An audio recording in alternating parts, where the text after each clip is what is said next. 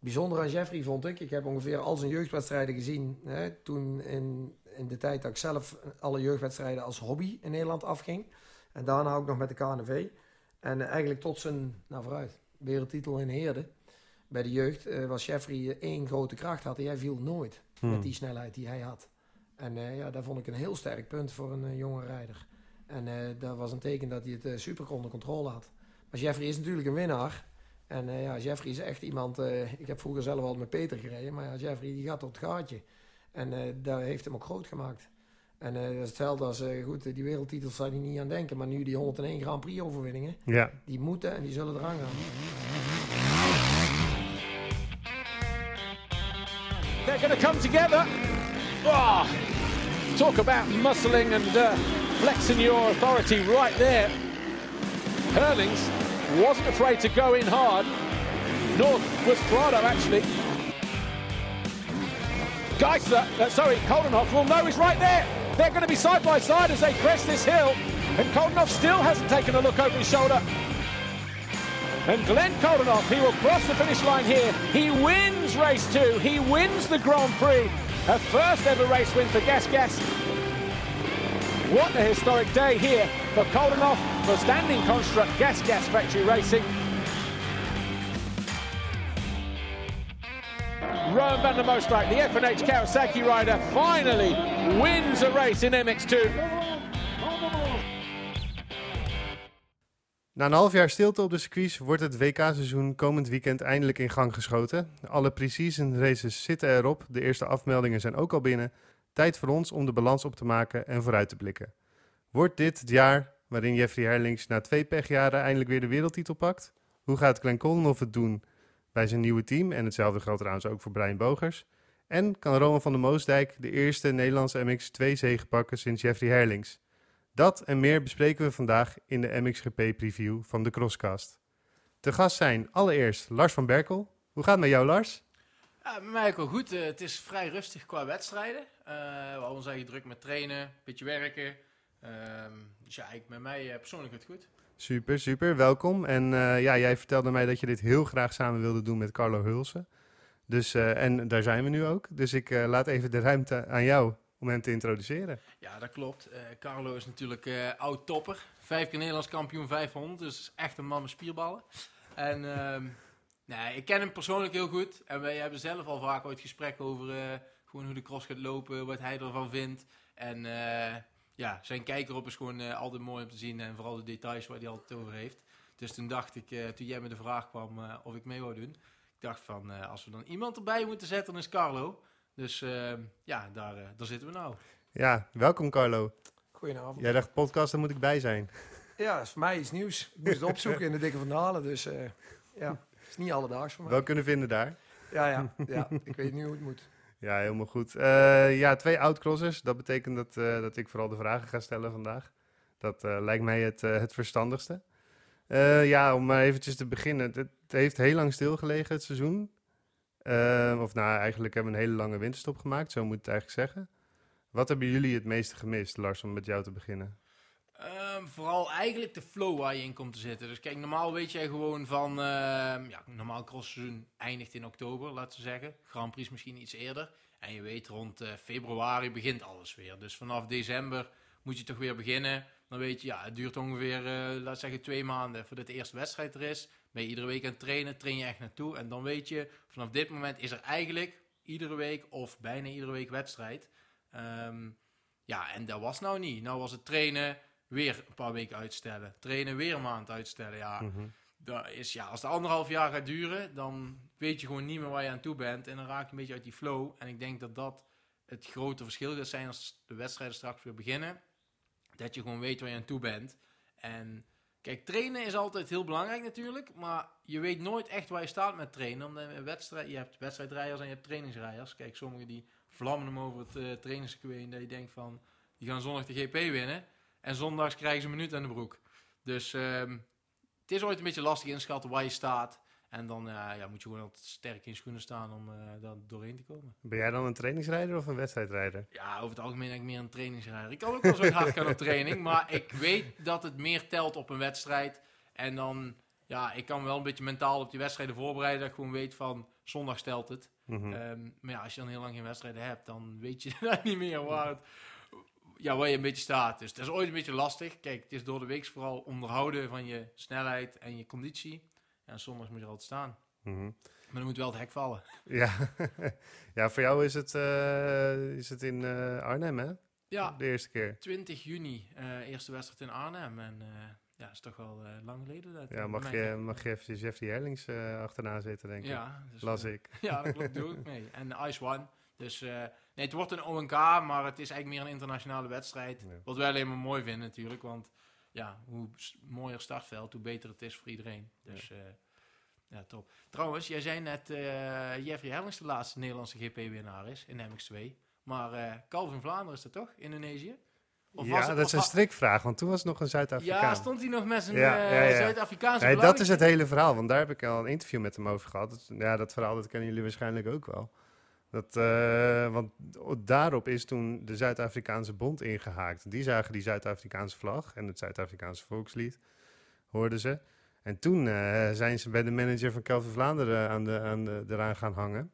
Van joh, eh rijd toch KNMV, je bent toch helemaal geen Zuid-Afrikaan? En eigenlijk de bond wilde niks met hem te maken hebben. Maar toen was hij toch eigenlijk dat jaar toch een motocross van Nederland? Want eh, halverwege dat jaar is hij toen, daarna is hij overgestapt. Daarna, want dat, dat viel toen op. Nadat hij gewonnen had, stond opeens een Nederlandse vlag la- achter zijn naam. Ja, de week erop, ja, klopt. Dus eh, ja, zo. Hoe is, eh, ja, Carlo, om even naar jou toe te gaan. hoe is die tijd voor jou geweest? Misschien ook überhaupt, want, want je bent natuurlijk ook veel bezig met, met, met trainingen en zo voor crossers. Hoe is die, die coronatijd en alles voor jou geweest? Ja, het is eh, natuurlijk een aparte tijd geweest. Je hebt het nooit meegemaakt. Hè. Eh, Het was altijd eh, gewoon de winter ga je in en je rust even uit. En het seizoen begon altijd in maart. En je bent, zolang als je crosste, dat was een jaartje of twintig, is dat nooit, nooit anders geweest. En nu Mhm. opeens zijn er geen wedstrijden. En wij merken dat natuurlijk, ik ben de laatste paar jaar veel met mijn zoon bezig. En ehm, ja, je merkt gewoon, die kalender die gaat op zijn kop. En, maar je ziet ook aan de toppers, wat Lars al aangaf, dat ze dus eh, ja, eh, nog niet vol gaan trainen. En maar afwachten en afwachten. En het lijkt ook dat er dus eh, van de ja, van Youthstream uit, de, echt de grootste teams en de belangrijkste teams, die hebben toch wel vrij snel, of misschien wel iets op voorhand, die info. Dat je duidelijk zag, net bijvoorbeeld een, eh een of een, of een Herlings, die, ja, die zich dan toch wel even zeggen van nou... en, en Glenn gaf dat ook aan trouwens. eh, je- ik wacht gewoon nog. eh, Ja, hè, ja. Ik rij in een bepaalde modus, maar dat is een soort eh, ja, winterslaapmodus. Dat ik wel even op de motor zit, maar nog niet, niet overdreven. En ja, dus ze stellen het zomaar zes tot acht weken uit. Ja, ja je het, hebt ook... enige, het enige echte wel positieve dat het nu weer begint, denk ik, is wel dat ze die Grand Prix toch een klein beetje nu als Grand Prix willen gaan zien. En niet dat we zo'n circus krijgen van drie in een week. Ja, dat, was wel, eh, dat werd wel een beetje heel... Ik, ik vond het ook echt een, eh, ja, zo- zoals ze dat in het Engels zeggen, een grind, zeg maar. Echt een... Om dat helemaal uit te zitten, dat hele seizoen, dan, ik, ik moet er dan in werken. En toen kwam er ook nog eens bij dat Glenn en Jeff die eh, geblesseerd raakten. En dan wordt het natuurlijk als Nederlander ook niet leuker op. Nee, klopt. Die maar dat, dat, dat was ja, vorig jaar helemaal een raar seizoen. Ja. Wat ook nog buiten de corona, wat nog nooit iemand mee had gemaakt. Dus ja, het is te kijken hoe daar iedereen mee omgaat. En eh, dit jaar was het dan echt een super lange pauze weer, omdat het alleen maar eh, uitgesteld werd. We hebben wel hele verschillende benaderingen gezien. Hè? Dat vond ik ook wel bijzonder. eh, want inderdaad, volgens als ik het, ik heb het wel eens geanalyseerd en dan had ik het idee dat de rijders die nog relatief nieuw zijn bij hun team, dus nou ja, Glenn bijvoorbeeld, maar bijvoorbeeld ook een die, die Olsen die dan 4,5 gaat rijden. Daaraan zag je van, oké, mensen met een nieuwe motor, die gingen al die Italiaanse kampioenschappen rijden en weet ik veel wat. Eh, en Romain Fevre, die zat er ook tussen. Dat, dat, dat kon ik dan weer even niet rijden. Maar hoe, ja, hoe, schat je dat, hoe schat je dat in, die verschillen? Hoe komt dat eigenlijk, dat die verschillen daar zo zijn? Want is, was er dan misschien in het begin wel een idee dat, dat ze al snel zouden beginnen? Ja, eigenlijk wel. Eigenlijk hadden ze gedacht, eh, wat ik dan, eh, de info die ik van Glenn bijvoorbeeld kreeg, was dat het eh, eh, een normale winterpauze zou zijn. En dat ze eigenlijk weer op tijd zouden starten Ja. met het nieuwe jaar. Een vrij normale start, dat was het plan. En, en als dat niet zou gebeuren, zou het een start zijn die ongeveer een maand uitgesteld zou worden. Maar ja, we praten nu alweer over half juni. Hè, dus Ja. eh, volgende week gaat dat los. Maar ehm, daardoor zag je ook bijvoorbeeld, eh dat Glenn weet ik dat hij in het begin best wel veel op de Yamaha heeft gezeten. Met sneeuw, regen, regen Ja. en ijs. Maar ehm, ja, daarna wou hij eigenlijk een beetje een pauze inlassen. Om dan meteen naar het seizoen toe te trainen. Mhm. En eh, nou, die pauze is alleen nog maar even langer geworden. En ja, nou, ik denk dat ze nu pas echt allemaal weer volop op aan, aan trainen zijn en Ja. op vaart. Ja, ik, ik sprak ook eh, de afgelopen week ook al een paar crossers gesproken. Nou ja, dan Glenn en Jeffrey onder andere. En ik proef er ook al een beetje in van wat, wat jij ook zegt, Lars. Het is ook moeilijk inschatten nu waar je staat. Je is dat echt zo? Wat doe je zeg maar omdat... Kijk, je doet die pre-season wedstrijden. Eh, ik zie dat een beetje als, eh, als eh, testen in de Formule 1. Hè. Niet iedereen hoeft het achter ze van zijn tong nog te laten zien. Ehm, maar is het ook... weet je pas echt waar je staat als die eerste GP er is? Of kun je al een beetje... Ja, de- dat is altijd natuurlijk lastig. Want kijk, normaal heb je een wedstrijd. eh, je weet ongeveer de eerste wedstrijd als je begint waar je ongeveer staat. Maar toch ben je daar altijd wat meer zenuwachtig. Omdat je niet weet waar je staat. Kijk, als je dan drie wedstrijden hebt gehad. En je weet bijvoorbeeld, eh, je hebt, eh, bent vijf keer op rij eh, of zes maandjes vijfde geworden. En er eh, komt woensdags een rijder die iedere week 23ste wordt. En die rijdt jou in één keer drie seconden harder als jou. drie rondjes lang. Ja, als dat nou ooit gebeurt, dan ga je misschien ooit denken van... eh, ja, wat is dat nou toch in één keer? Ja, ja, ja. Maar dan weet je, ja, luister, ik maak me niet druk, want zondag zat je op een minuut. Kijk, dus dan ga je anders kijken. En als het dan zo iedere keer op blijft volgen, ja, dan weet je natuurlijk ooit niet precies waar je staat. Ehm, ja, sommige rijders zijn er wel gevoelig voor.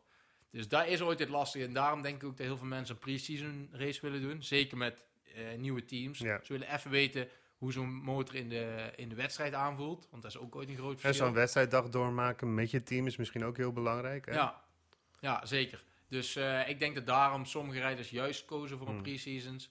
Eh, maar kijk, als je ziet het Italiaans kampioenschap, dat was in maart of februari volgens mij, dat was echt vroeg. Ehm wij zouden ook eigenlijk, Dutch Masters zou eigenlijk bij ons beginnen eh, eind maart volgens mij. En dan meteen naar de rand de GP's. Want volgens mij zat er tussen Dutch Masters, OS en GP als zou maar iets van vier weken zitten. Ja, dat klopt. Ja. Ja, en kijk eens hoe lang dat nou al terug is. Dat is eh, ja, al denk Ja. ik drie maanden geleden of zo. Dus het is echt eh, nee, nooit eerder voorgekomen. Dus je weet ook, e- eigenlijk niemand weet hoe je Nee. dit het beste aan kunt pakken, want het is nooit voorgekomen. ja, is het aan rijders te zien, denk je, eh, Carlo? Of, of, want als je dan langs de baan staat, dan denk ik, van, je kent sommige rijders, die ken je al van, eh, vanaf dat ze nou ja, nog niet boven de drempel uitkwamen, zeg maar. Weet jij bij sommige rijders waaraan je kunt zien of ze goed zijn? Ja, het is. Kijk, de wedstrijden zijn natuurlijk wel een bepaalde eh, eh, maatstaf, hè, hoe het gaat. Maar die, de rijders die treffen elkaar ook vaak op trainingen Ja. door de week. Ze zien elkaar ergens. Eh, en ook eh, de rondetijden ja, zijn wel bekend. Hè, natuurlijk waar ze, ze trainen vaak op dezelfde circuits. Hè. Het is misschien dan wel een nieuw team of een verschillende motor. Maar ze weten ongeveer wat ze moeten rijden en waar ze naartoe moeten en of waar ze naartoe willen. Hè, ja, dan Maar ik- eigenlijk zegt de rondetijd toch bij cross, als je op een andere dag rijdt, relatief niet zoveel. Die zegt relatief niet zoveel, dat klopt. Hè. Dus, maar eh, stiekem kijk maar je er wel naar, denk ze ik. Ze kijken ernaar en eh, ze weten natuurlijk wel, eh, ook als ze met elkaar in de baan zitten, dan heb je direct vergelijkingsmateriaal. Ja. En misschien dat die ene tegenstander dan niet helemaal het achterste van zijn tong, zijn tong laat zien, maar Hmm. je weet toch ongeveer wel dat je bij hem in de buurt moet zitten of ervoor. En ja, ik denk wel dat die rijders. eh, eh, maar we bespreken ook op een gegeven moment voor het. eh, kijk, als we naar die WK-rijders kijken. spreekt ook wel heel veel ervaring. Hè? Dus die weten eigenlijk echt wel wat het, wat het takes om, Ja. om klaar te zijn voor zo'n jaar. En die arbeid die erin gestopt moet worden, zowel fysiek als testwerk en rijden met die motor. Dat is wel bekend. Dat is Ja. eigenlijk bekend. En ze weten, nou, toen en toen was ik zo en zo goed. Dus dat werk moet er weer in. En als het kan, nog een tandje erbij. En eh, dat we weer beter worden. En eh, soms heb je natuurlijk geluk. Hè, dat, dat, dat, dat, dat, dingen meteen vanaf het begin klikken. Of misschien, eh, ik noem maar iets, een fabriek heeft een nieuwe motor voor jou klaargezet. Hmm. En die past jou. Of je moet nog echt zoeken. Hè? Dat, is, en dat is bijvoorbeeld bij, bij een Glen. Als je overgaat van een, van een Oostenrijker naar een, een Japanner. Ja, dan is, dat, dan, is het, dan is er gewoon even werk aan de winkel. Dat je zegt van nou...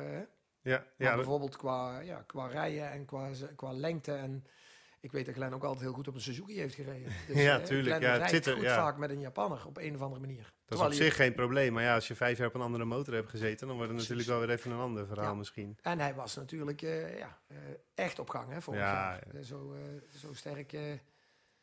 Dat hij bezig was. Dus Ja. eh, Het ja. was jammer voor hem dat er geen nations waren. Maar Ja. eh, dat ja, over Glenn gaan we het zo meteen nog wel, eh, nog eventjes hebben. Maar Lars, jij, jij cross nog en je hebt vast wel wat rijders gezien rondrijden tijdens trainingen. Ja, dat klopt. Ik heb eh, een paar weken geleden best vaak met eh, Brian Boos gaan trainen. Nou, laat dat er nou net eentje zijn die niet in Rusland rijdt. Ja, dat is wel jammer, maar ik denk dat we die toch altijd wel even in de preview ja, waar heeft, hij, waar heeft hij precies aan de hand? Eh, die heeft Aan de een eh, ontsteking in de pees, in zijn pols. En eh, daar weet ik dat hij wel al een paar keer spuit voor had gehad.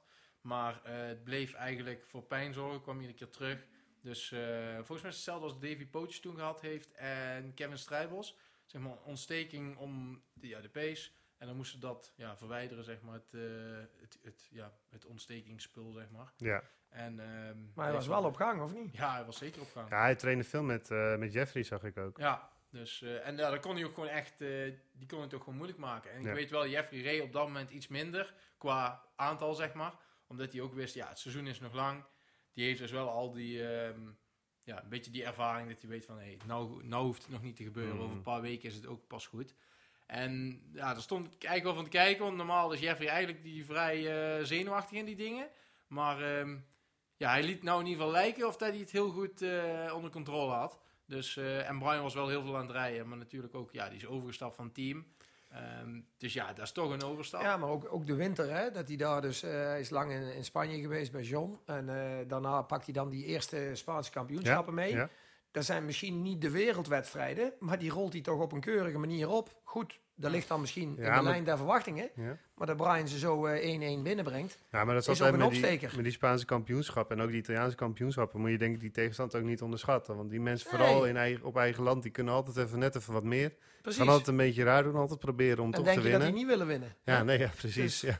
Nee, maar Brian reed echt, eh, echt goed de laatste week. Ik ben een paar keer mee in Lommel geweest, in, eh in Lierop, dus eh, Veldhoven. Hm. Nee, hij reed echt goed. En het zag er ook gewoon allemaal strak uit. Het is eigenlijk echt jammer dat hij nou eh, in ieder geval de eerste wedstrijd moet missen. Hopelijk dat hij naar de rand er weer bij is en gewoon geen last meer krijgt van die blessure.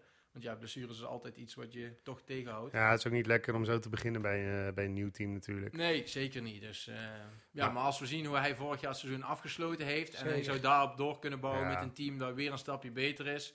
ja, misschien eh krijg, Ja, maar krijg kijk je naar zijn eerste Het GP-podium. eindigen, het van, is- het eindigen van het seizoen vorig Ja. jaar was hij ijzersterk. En eh, hij maakte een goede winter door. En dan eh, de opstart met die Spaanse. Mhm. En dan inderdaad, de verhalen heb ik ook gehoord eh, met het trainen met Jeffrey en ook van Lars natuurlijk, Ja. die- dat hij echt goed eh, bezig was.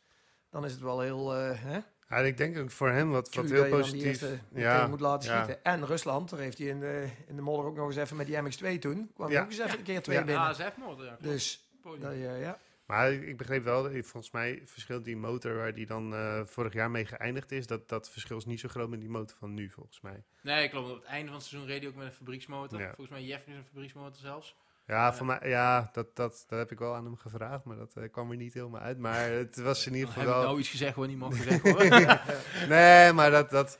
En hij was WP, eh, dat kwam uiteindelijk ook wel aan het licht, hè, dat hij met die airshock al reed. ja, hij, is, hij was een Ja. testrijder. Ja. Hij Ja. heeft heel veel getest inderdaad. Dus, eh, Nee, maar dat, ik denk ook dat hij daar echt, eh, want ik heb hem ook een paar keer gesproken, een paar keer zien rijden ook. En die zit volgens mij wel echt op zijn plek daar. Dus eh, zodra die, eh, volgens mij is de planning gewoon dat hij Metally weer rijdt. Dus tweede, tweede GP misschien. Ik weet niet, het is nu een week geleden dat hij de operatie, precies een week geleden. Nou ja, ik weet niet hoe lang dat duurt, maar misschien dat hij dan Arnhem ook wel meerijdt. Met een beetje geluk, maar eh, ja, laten we het zien. Ik ben, eh, ik ben ook wel heel benieuwd. Eh, ja, laten we de structuur oppakken met, eh, met de MX2 beginnen. Ehm, eh, ja, er is al een flinke waslijst aan coureurs die, eh, die geblesseerd, zijn geraakt in de, in de voorbereiding. We hebben eigenlijk al heel vroeg, dat vond ik dan ook zo bijzonder met die, met die MX2, die Yamaha-jongens allebei. Hè? Voor mij Benny Stan en Renault. Die, eh, en nu Geerts. Die, ik ben ook wel benieuwd wat daar nou, eh, want we hadden het van tevoren even over wat daar nou precies aan de hand is. Hij gaat in ieder geval rijden, is gezegd, maar goed. Eh, ja, we hebben natuurlijk ook een Nederlander waar het dan even niet zo goed mee gaat. eh, Bas Vase. Eh, ja, Lars, wij kwamen elkaar tegen bij een fietstochtje. En je hebt ook je column in de laatste Noppennieuws daar aan gewijd. Dat heeft je wel geraakt, denk ik. Ja, zeker. Kijk, we weten allemaal wat de gevaren zijn van het crossen. En het is misschien raar, maar kijk, als je als crosser, dan mag je er eigenlijk niet mee bezig zijn. Want als je juist over, te veel over na gaat denken, dan gaat het meestal fout. Maar kijk, ik heb ook een trainer, Joël bijvoorbeeld, Joël Roelands, die zit ook in een rolstoel. En daar heb je, daar denk je eigenlijk bijna nooit niet meer over na. Maar als je dan in één keer te horen krijgt van, oh, Bas is gevallen en het gaat niet goed. En eh, het kan zo'n dwarslezing zijn, ja, dan, eh, goh, dan, dan heb je het kippenvel wel even op je, de rillingen op je lijf staan. Dus eh, ja, toen deden we inderdaad die fietstocht voor, eh, voor Bas.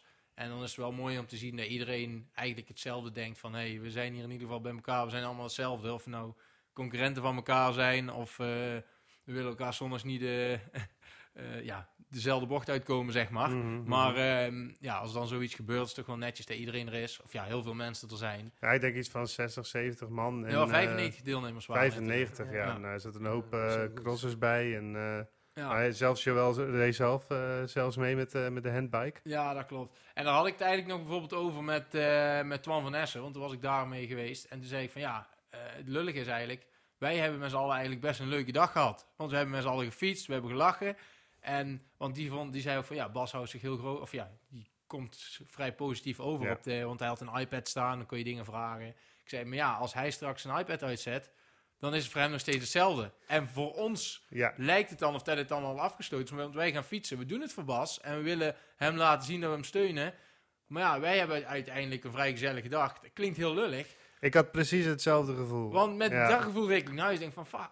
Maar ja, godverdomme. Wij hebben eigenlijk een mooie dag gehad. Ja. Voor iets waar, eigenlijk, waar we eigenlijk helemaal niet hadden hoeven zijn. Het liefst. Het liefst hadden we Ja. niet hoeven zijn. Want er was niks met Bas gebeurd. Je rijdt hem ook veel liever met Bas. Ja, precies. Dus eh, hopelijk eh, als Bas alles weer kan, dat we misschien een keer met z'n allen gaan fietsen met Bas erbij. Dat zou het mooiste zijn. Want dan denk ik dat de, de smiles nog veel eh, Ja, breder zijn, zeg maar. ja 100%. Ja, Bas, jij, misschien goed om eventjes te zeggen. Jij zegt van, van in eerste instantie hoor je van het kan een dwarslezen zijn. Het, het lijkt erop dat het, dat, dat het niet gaat zijn in ieder geval. Dus dat is positief, maar het gaat ook nog niet helemaal de goede kant Nee, op. hè? eh, kijk, ze hadden daar een iPad staan, dus je kon met, even met Bas praten, wat natuurlijk fijn is, want het was een beetje heel onduidelijk wat hij nou precies had. Ik hoorde hier en daar wel wat dingen, eh, maar het lijkt erop, zoals ik begrepen heb, dat hij een eh, zwelling in zijn, in zijn nek heeft, die dan zeg maar tegen zijn, tegen zijn zenuw aan zit.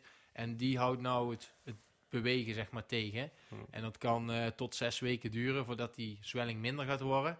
En als het goed is, wanneer die zwelling weggaat, zou die weer ehm, alles kunnen gaan bewegen. Maar ja, dan moet hij wel volledig opnieuw leren lopen en, eh, en wandelen. Dus Ja. ja, eigenlijk moet hij gewoon het hele normale dagelijkse leven opnieuw leren.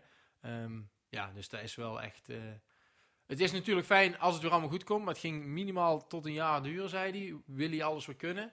Dus ehm, ja, daar hakte natuurlijk wel in. Maar ja, het zou Ja. wel het mooiste zijn als hij alles weer kan. Want je gunt niemand... eh dan gun je je slechtste vijand nog niet dat hij eh, zoiets krijgt. Maar Bas is wel echt een vechter. Als, de, eh, goed, als, als hij aan kan pikken en het is inderdaad niet beschadigd of dat er iets een vorm van herstel is, dan weet, herstel is, dan weet ik zeker dat hij zich daar naartoe vecht. En eh, als hij daar een, een jaar mee bezig gaat zijn, Mhm.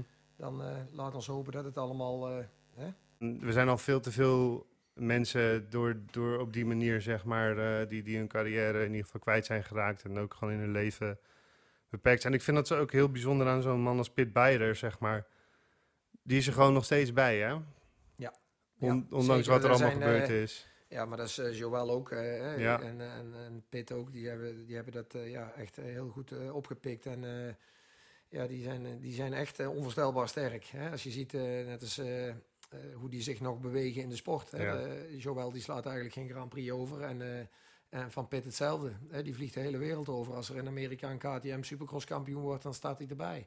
en ja, in de goede zin van het woord. Ja, ja, ja, ja. En ja, onvoorstelbaar dat die, hoe die daarmee omgegaan zijn. En eigenlijk ja, zeker zo succesvol geworden zijn. Wie weet hoe Mhm. natuurlijk de crosscarrière geweest zou zijn. Maar die was al goed bij alle twee. Maar ze zijn eh, eigenlijk in dit leven zeker zo succes, succesvol. Ja. Dus, Dus ik heb eh, vorig jaar heb ik het toen ook even met, eh met Charles Smets over gehad. Toen, want ik was toen erbij dat Jeffrey in Faenza viel. En dan krijg je toch altijd weer die discussie over, over nekbraces en zo. Want dat is, dit is toch iets, ruggen breken, nekken breken. ehm, dat blijft op de een of andere manier verbonden aan, aan deze sport. En eh, dat, is, eh, dat is waarschijnlijk, Carlo, in, in jouw tijd ook al zo geweest. En dat is nog steeds zo. En dat krijg je er gewoon niet uit. nee, het gaat, eh, ja, dat, dat, loopt eigenlijk een beetje als een rode draad door de hele geschiedenis. En ja, Het is eigenlijk, doordat de banen natuurlijk veel spectaculairder zijn als vroeger, zit een heel groot verschil. En ja, ze gaan ook niet langzamer dan vroeger. Hmm. Dus dat is, als je valt, val je harder. Maar dat, dat, dat is niet alleen daardoor, dat is ook door de sprongen en de dingen die je maakt. Eh dat grenst aan het ongelofelijke. Als wij vroeger over een schansje loskwamen, dat was al heel wat. Ja. En nu rij je tegen ongeveer een muur aan en je vliegt over de, eh, het dak van een huis heen. Ja, ja, zo zo extreem gaat het. En dan eh, hoeveel keer in een rondje. Ja, Dus, en als je kijkt naar eh, bijvoorbeeld eh, ja, de gemiddelde snelheden. Ik weet dat eh, de FIM en Youthstream, die toen de, de regel was sinds jaar en dag 55 gemiddeld. Dat was de max. niet Nou, lager, en, niet eh, hoger, zeg maar. Ja. Nee, nou, da- dat was eigenlijk, daar kwamen wij bij lange na niet aan. Nee. Niemand had ooit gedacht dat die gemiddelde snelheid. Nou, eh, de meters, hè, de afstand is hetzelfde als vroeger. Een baan kun je opmeten, Ja. hè, waar ter wereld die ook ligt. En eh, de stopwatch loopt even hard als 40 jaar geleden. En als je dan naar de gemiddelde snelheden kijkt. Ja, als wij een Grand Prix afwikkelden ooit tegen 47, Hmm. dan zeiden wij, jezus, wat is een snelle baan hier. Maar wij hebben genoeg Grand Prix gereden tegen 44 of zo gemiddeld. ja, ja, ja. Nou, ik weet in de tijd dat eh, bij de FIM toen die regel van 55 was niet te hanteren. En die hebben ze naar 65 gezet. Ja. Gewoon om die regel op te schuiven en met de tijd mee te laten gaan. Eigenlijk Maar gewoon dat 20 kilometer harder dan in jouw tijd. Eigenlijk wel. Ja. En, en, en als je nu kijkt op de Grand Prix, de gemiddelde snelheden, als het een beetje een lopend parcours is, ja, die zitten aan de 60. Ja. Dus ze gaan echt veel harder dan wij. Dus ja, de- dan nog natuurlijk ook, hè, door de professionalisering eh, zitten we aan 20 Grand Prix of meer per seizoen. Ja. En wij reden er 12. En dat vonden wij veel. Ja, ja, ja. En dan sloegen we er ook ooit eentje over vanwege school of werkzaamheden. Of, maar goed, we probeerden een vol Grand Prix seizoen te doen van 12. En eh, als je een blessure had, ja, dan reed je er ooit maar drie per jaar. ja. Dus als je dat ziet met het verschil hè, van, van nu, dan denk ik dat de intensiteit en de snelheid, dat die hier, eh, ja, die eisen zijn tol. Maar was dat dan vorig jaar bijna... te- want toen kwam nog een keer het mentale aspect erbij van... Want wat rijders zeiden wel, hè, fysiek kunnen we drie wedstrijden per week, dat kunnen we wel. Alleen het mentale punt van je opladen en... eh, we hebben toen ook heel veel blessures gezien. Extreem veel. Ja, dat... Ja, maar dat is ook allemaal wel een beetje veranderd. Hè? Kijk, als jij kijkt, vroeger wij reden een wedstrijd van 40 plus 2. Nou, Ja. dat is old school. Maar ze hebben het helemaal teruggebracht voor het spektakel. Hè? Dus Voor de dichter- snelheid. De ja. snelheid. Hè? Ja. En, en als je ook naar het, eh, natuurlijk, als je de atleten van nu, hè, dus de, de, de, de topcrossers naast elkaar zet. Mhm. Nou, daar staan, ik denk, eh 15 tot 20 topatleten aan de start. Ja. Nou, bij ons, eh, wij deden, eh, d- er waren misschien drie of vijf Ja. in het WK 500 C die echt met eten en hè, al iemand erbij hadden lopen, een fysio. Nou, dat vonden wij al heel wat. Hè. Wij- dat, dat was, maar dat is zo ik- professioneel geworden. Ja. Als een Carlo Huls uit die tijd nu naast een Jeffrey Herling zou staan, eh, zoals hij nu is, dan... Ja, eh, die zou verbleken. ja, nou, Doet hij toch wel. Maar moet ik zeggen dat ik wel één verhaal heb gehoord. Dan moet ik dan toch wel even, wat jij qua voorbereiding wel altijd goed voor elkaar had. Tussen de manches door, de bus in en haarveunen. Oh ja, haarfeun. Ja. Ja, Kan maar haar zat altijd. ja. Jij was ook de enige rijder toch die niet zijn gezicht hoefde te wassen naar de Dat Mainz. klopt, ja. Maar dat kwam door de, door de bekende helm. Maar inderdaad, als ik één keer door mijn haren streek, ja, dan leek het alsof ik eh, er weer klaar voor was om op het podium te staan. Ja, dat klopt. Ik kwam ooit droog van de motor af. Tenminste, zo werd het altijd. eh, Altijd schoon. Altijd schoon, ja, dat is waar. Hoe Ik deed je dat? Nou, dat kwam voornamelijk door mijn helm. Ik reed dus met een open helm en dan de kapje. Er Ja. kwam absoluut geen zand in mijn gezicht. En Ja. daar had ik altijd zo'n bloedhekel aan. dus ja, dat, dat, dat functioneerde perfect. En daardoor eh, kwam ik aan het podium en dan, eh, ja, dan was ik gewoon eh, één keer met een hand door het haar en dan was het klaar. Dat was natuurlijk jouw handelsmerk. Dat was mijn handelsmerk, ja, denk je nu niet van, van ah, het was eigenlijk toch wel een beetje link om dat te doen? Daar hebben we het een discussie over gehad. nou, dat helemaal was- niet zo gevaarlijk. Of dat, dat, Het grappige is dat in die tijd, hè, als je dus, ja goed, 70s was niet anders, eh 80s ook niet. Het is Hmm. eigenlijk in de 90s opgekomen. En eh, ja, heel gek, ik heb 20 jaar gecrossed, nooit een sleutelbeen gebroken. Ik ben altijd een beetje van mening dat je je sleutelbeen zelf breekt met je helm. Want Hmm. ga maar eens met een helm op voor de spiegel staan en beweeg maar eens alle hoeken. En Ja, dan zit je er al aan Je- eh, met je kin. Juist, met je Ja. kinnenbak ken je ongeveer eh, je sleutelbeen. Dus mijn sleutelbenen zijn gelukkig nog heel. Maar om terug te komen op die, die, die valpartijen en die dingen, ja. Het extreme met drie wedstrijden in de week. En dan tegen dit tempo. Dus Ja. hè, ze zijn teruggegaan naar 30 minuten. De atleten zijn top, hè, de crossers. Ze zijn echt afgetraind. Ze kunnen een 30 minuten afraffelen. Dat is onvoorstelbaar. Mhm. wij zakten weg in een manche van, van drie kwartier. Ja, ja, ja. Dat durf ik niet te vertellen hier. Stil stond je. Je stond stil. Ja. Dat was gewoon, eh, je zakte vijf seconden weg. En er waren andere banen ook Als het nog. er geen zes waren. Ja. En, en, en nu, eh, ze raffelen rondetijden af op 30 minuten binnen een halve... Nou, iedereen zit in dezelfde seconde. Ja. Dus heb je dan eigenlijk goed of slecht gereden? Het is onvoorstelbaar eigenlijk dat er een winnaar komt. Ja, Zo close zijn die verschillen. Dat is, dat is, eh, en dat was bij ons, daar zaten echt gaten. Ja. Dat was, dat was, dat was zo'n verschil. En eh, dat is allemaal veel professioneler. En, maar daardoor is ook de snelheid veel Mhm. hoger. En, dus, en de valpartijen en ook de risico's. Hè, het, het, het wordt allemaal veel meer eh, ja, op, de, op de spits gedreven. Dat is een heel groot verschil eh, met bij ons. Ja. Dus Dan zouden we het eigenlijk over MX2 hebben. Dus we doen het eh, puntje veiligheid, dat houden we nu over op. Maar ehm, ja, wel, ja, ik had eigenlijk hier de, hier de vraag staan. Eh ja, Geertje is geblesseerd afgehaakt. eh, kruisband scheuren vlak voor de start, dat lijkt me niet ideaal. Is zijn kampioenschap eigenlijk al voorbij. Maar ja, toen was vanochtend opeens toch weer het bericht dat hij wel rijdt. Ehm, kan dat? Tenminste, een knieprobleem hebben en dan toch nou, starten. En natuurlijk dan... voor de start eh, van Hij moet, eh, hij moet voor het WK gaan Is het natuurlijk. niet fijn? Ja, uiteraard. Ja. is, eh, is een titelkandidaat. En eh dat is hij ook absoluut. Maar ja, ik denk als hij... eh, ja, alle crossers, we hebben genoeg gecrossed. We zijn overal geweest. En je weet, als een crosser last heeft van zijn knie, dat Mhm. is eh, niet best. En eh, wat het dan ook mogen zijn, ik hoop voor hem dat het meevalt. Maar ehm, ja, er zijn te veel voorbeelden. Hè, dat je zegt van, eh, kijk naar Kai Roli een paar jaar geleden ook. Ja, ja ook lopen sukkelen, ja. Het is wat ik zeg, een crosser moet het niet aan zijn knie of aan zijn schouder hebben. Want dat zijn, ja... Schouder is ook zo eentje, Ja. inderdaad. Hè? Ja. Maar, maar ja, dat zijn dingen voor een crosser die zeg je van nou, eh, hè, als je dan een seizoen moet starten van 20 wedstrijden, ja, dat is toch wel even oei. Dat is eh, heel, heel erg afwachten. En eh, ja, je weet misschien dat jij dan niet 100% klaar staat, maar, maar ja, er zijn er zeker die wel 100% Ja, klaar staan. ja. Dus het wordt een taai, taai Ik ritje. denk dat er gewoon acht gasten zijn die, daar, die hem het heel moeilijk gaan maken. Wie, ja, wie vinden jullie eigenlijk de mooiste rijder in de MX2? Om Lars maar even te beginnen. Ik Roland van zou ik zeggen natuurlijk. Hè? Ja, je mag Nee. zeggen wat je wil. Nee, kijk, eh, ik weet die Benestand rijdt op het moment eh, heel mooi. En vorig jaar ja, is hij Europees kampioen geworden eigenlijk. eh, ja, niet vanuit het niks, maar dit jaar van tevoren ook wel al netjes. Maar ja, vorig jaar echt een stap gezet. En dan ook zeker dan de laatste wedstrijden die die GP's meedeed. Reed hij volgens mij podium, zelfs een Ja, 2 of 3 ja. in Arco di Trento. Ik heb het daar dus met, eh, nou ja, met Mark de Reuver bijvoorbeeld over gehad. Je moet niet vergeten dat met Rowan gebeurt precies hetzelfde. Hè? Het jaar ervoor. Het Ja. is ook een ding van... In, alles wat je doet dan in die wedstrijd is opeens goed. Hè? Ja, dat klopt. Kijk, dat is ook zo. Je gaat er met verwachting in, of ja, misschien Nul, zonder verwachting. ja. Je wil alleen maar laten zien. Niemand verwacht dat jij daar podium gaat rijden. Eh, je contract hangt er niet van af. Het is gewoon, we gaan die wedstrijd meedoen. En we kijken wel eh, hoe het gaat. En je zit natuurlijk in die flow van EK's winnen. Ja. Eh, daar, ja, iedere week iedereen eh, ja, helemaal oprollen, zeg maar. Mhm. Dus ja, als, het dan, eh, als je dan ook nog een goede start pakt, je zit erbij, ja, dan laten die mannen gewoon zien ja, dat ze in ieder geval de snelheid hebben. Kijk, en dan een heel jaar constant zijn en er altijd staan, dat is natuurlijk iets Vanuit een. EK is dat lastig, hè? Ja, dus ehm, nee, maar ja, daar doen er heel veel mee. Vial, die zal altijd wel wel sterk zijn. Geert natuurlijk afhankelijk van zijn knie. Je hebt Hover nu terug, een heel jaar. Die begon natuurlijk vorig jaar ook heel goed. Ja, begon ook heel sterk. Dan heb je Beaton, die heb ik ook eh, van de winter zien rijden, ook heel goed. Ehm, ja, de Wolf natuurlijk. Ja. Nou, ik denk als de Grand Prix in uh, Valkenswaard waren gestart, dat hij in ieder geval de kop start gepakt had. En in ieder geval één man is gewonnen. Want dat deed hij volgens mij met 125 en met 2,5.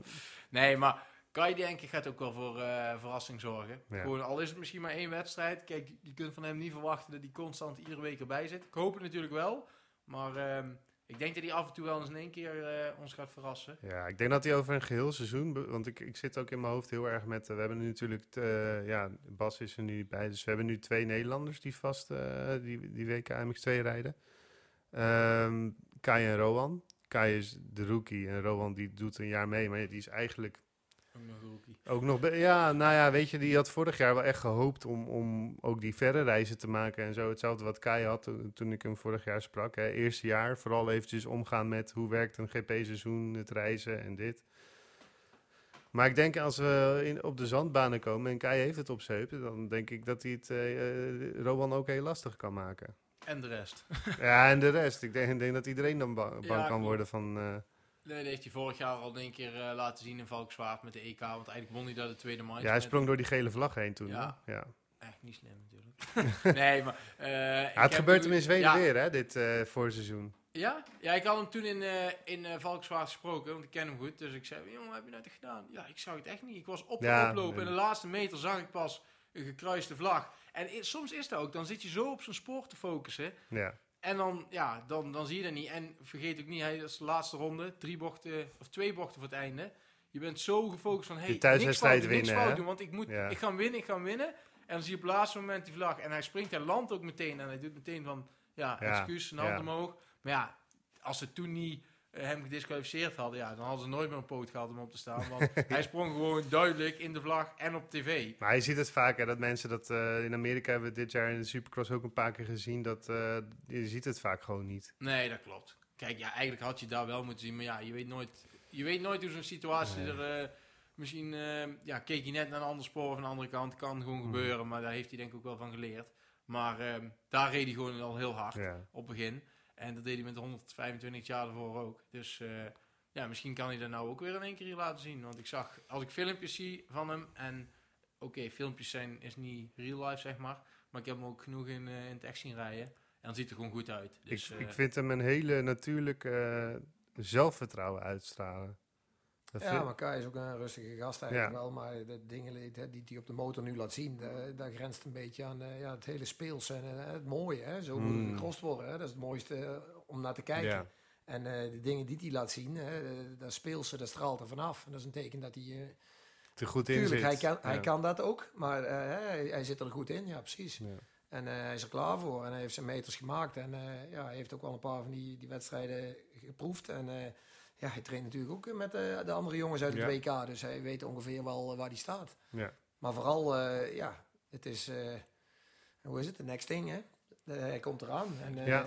Hè, ja, dat is gewoon... Ja, ze eh, weten natuurlijk, voor hem natuurlijk ook het fijne. hè. Hij, er wordt nog niet echt iets verwacht. In, Nee, ook, maar goed, hij is ook nog heel jong. Hij is GP's doen. 16. Hè? Kijk, we kunnen niet allemaal rijden zoals Jeffrey met 16. Hè? Dat, Nee. was, dat was extreem. maar maar de- dit is toch echt een lichtpuntje eh, hè? van, van wat we nu eh, zien. Dat we zeggen, hé, dat is zo'n rijder die heel speels... Eh, ik denk zeker dat Kai... eh, maar hij, hij is ook heel rustig en hij staat ook wel bij, met beide benen op de grond. Ja. Maar ja, hij kan ook goed starten. Dus ja, ik, dat, als er een verrassing... eh, als iemand een verrassing kan zijn, dan zij het. Als ik dan een dilemma op moet werpen, hè, van wie pakt er eerder een GP? Is dat Rowan of is dat Kai? Dan denk ik toch Rowan. Ja, ik denk toch ook wel, Roman, eh, op het moment nog wel... eh, ja, ze kunnen, ze- ik, ik denk dat ze het allebei kunnen. Ja, daar hem denk ik het ook hoor. Ja, ik denk het ook. Als Want, ze eh, Rowan heeft goede ook benen altijd bij zich. dan kunnen ze allebei een keer winnen. Ja, ja zeker. Ja, Rowan is er vorig jaar natuurlijk al een paar keer heel dichtbij geweest. Nou, hij is wel... Hij, hij, ja, het is een beetje... Je moet iemand nooit veel druk opleggen, maar we hebben toch wel een beter gevoel. Hij moet, wel een beetje bij die top 3 aansluiting vinden, toch? Je hebt Viaal, je hebt Geerts. Dan moet Rowan er eigenlijk wel bij. Ja, dan heb je Renault daar zitten. Ja, wel, je hebt heel veel goede rijders, maar je Ja. zult ze toch als je wereldkampioen Maar Rowan is worden... ook een goede rijder. Ja, Eh, zeker. Absoluut. Als je ziet hoe die kan sturen. Dat je, hè, en als jij een Lommel en Mainz wint, wint Ja. dan ben je geen prutser. Ja, hij had er twee kunnen winnen, hè, want die motor die valt uit. Ja. Eh, de race ervoor is dat volgens mij nog. Het, wie, eh, het weekend. Ja. Ja. dat klopt. Dus, eh, maar, maar Rowan, eh, ik, denk, ik denk allebei. Als je Eh, nou... als, als, als ze het op de heupen krijgen, ku- kunnen ze in principe allebei een wedstrijd zouden ze kunnen winnen. Ja. Absoluut. Er zitten wel heel, heel veel verschillen in, in. Ik vind dat altijd heel mooi bij MX2 om te zien. Je ziet dan gewoon. Dan vind ik dat je nog beter verschillen ziet in stijl.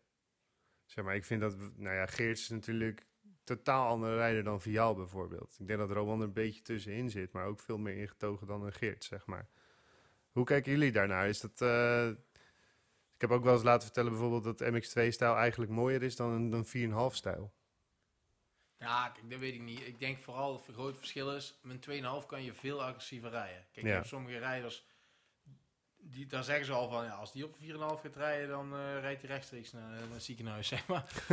maar ja, Ja, je moet ook 2,5 altijd een paar keer vallen hè, met die 4,5. Dat Ja. lijkt het op. Want, ja, ze zeggen altijd, op het begin ga je keihard op 4,5 tot je een paar keer afstapt. En dan word je even wat, eh, wat tammer. Ja. Maar eh, ja, met een 2,5 kun je gewoon, dat leent om agressiever te rijden. Dat moet ook, want je moet veel met toeren rijden. Ehm, je bent ja, gewoon meer aan het smijten en het gooien met zo'n ding Hmm. scrubben.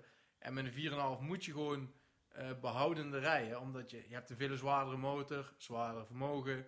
Eh, je wordt snel, als je op dezelfde manier op een 4,5 gaat rijden als dat je op een 2,5 doet, ja, dan heb je drie rondjes en dan ben je, heb je Ja, tussen de de 4,5 ketting. die pak je. Kijk, en dat ja, is het verschil. dat is, die is mannenwerk. onvergeeflijk, zeg en, maar. eh, en, en eh, de MX2 is jongenswerk eigenlijk. Hè? Ja, ja. Een 2,5 Een 4,5 die pak je. En dat was vroeger bij de 500 zo. En ja, dat is niet prettig. En Daar dat ga je niet van winnen. ze zeggen ook altijd, blijft altijd opletten. En dat is, dat is met een 2,5 ja, dat, dat is scheur. Hè? Dat is ook het mooie. Hè? Daar kun je het speels in leggen en alles.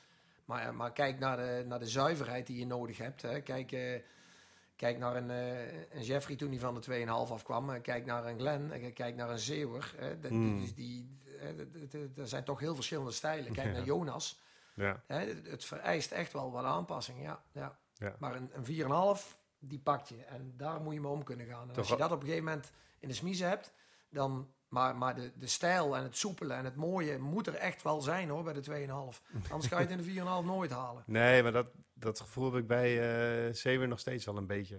Dat hij aan het gooien en aan het smijten is en toch Klopt. op die 4,5 heel hard gaan. Ja, Ja, dat snapte ooit niet. Was Zeeuwer is wel een, eh, een vechter hoor. Die, Ja. eh, ja die, die- want ik dacht Schitterend eerst, om te zien, hè? Ik bedoel, ik dacht ja. eerst, ja, ik dacht eerst met zijn inzet en zijn wil, eh, zoals hij met de 2,5 ging op het laatste, ging zo goed. Ik denk, poeh, dat wordt met een 4,50 moeilijk.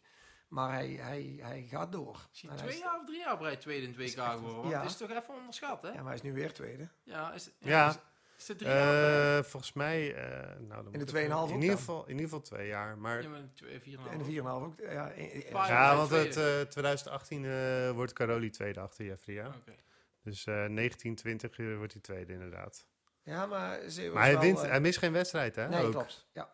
Dus, Want dat, dus- dan kun je zeggen, hij, is- hij gooit met dat ding en het doet. En hij zal gerust wel een keer een pijntje hebben of zo. Ja. Maar hij mist geen wedstrijd. nee, hij en eh, Glenn hè, zijn de absolute recordhouders ja, eigenlijk. tot, ja, tot vorig, eh, ja, tot Lommel.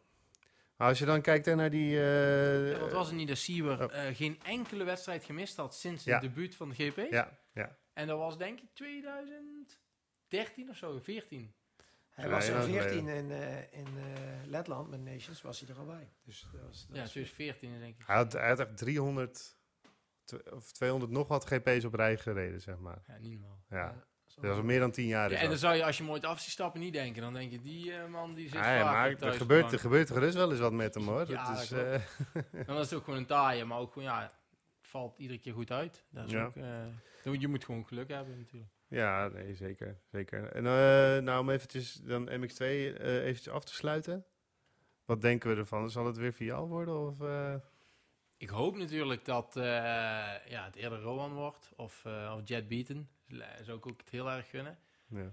Vial die is er, zit er altijd gewoon bij met de start. En volgens mij is hij alleen nog maar gegroeid ten opzichte van vorig Dat jaar. is die kracht van die KTM ook wel een beetje, toch? Ja, dat klopt. De Ja, die zit er ook bij altijd. hebben ze ook eigenlijk dezelfde motor. Dus Ja.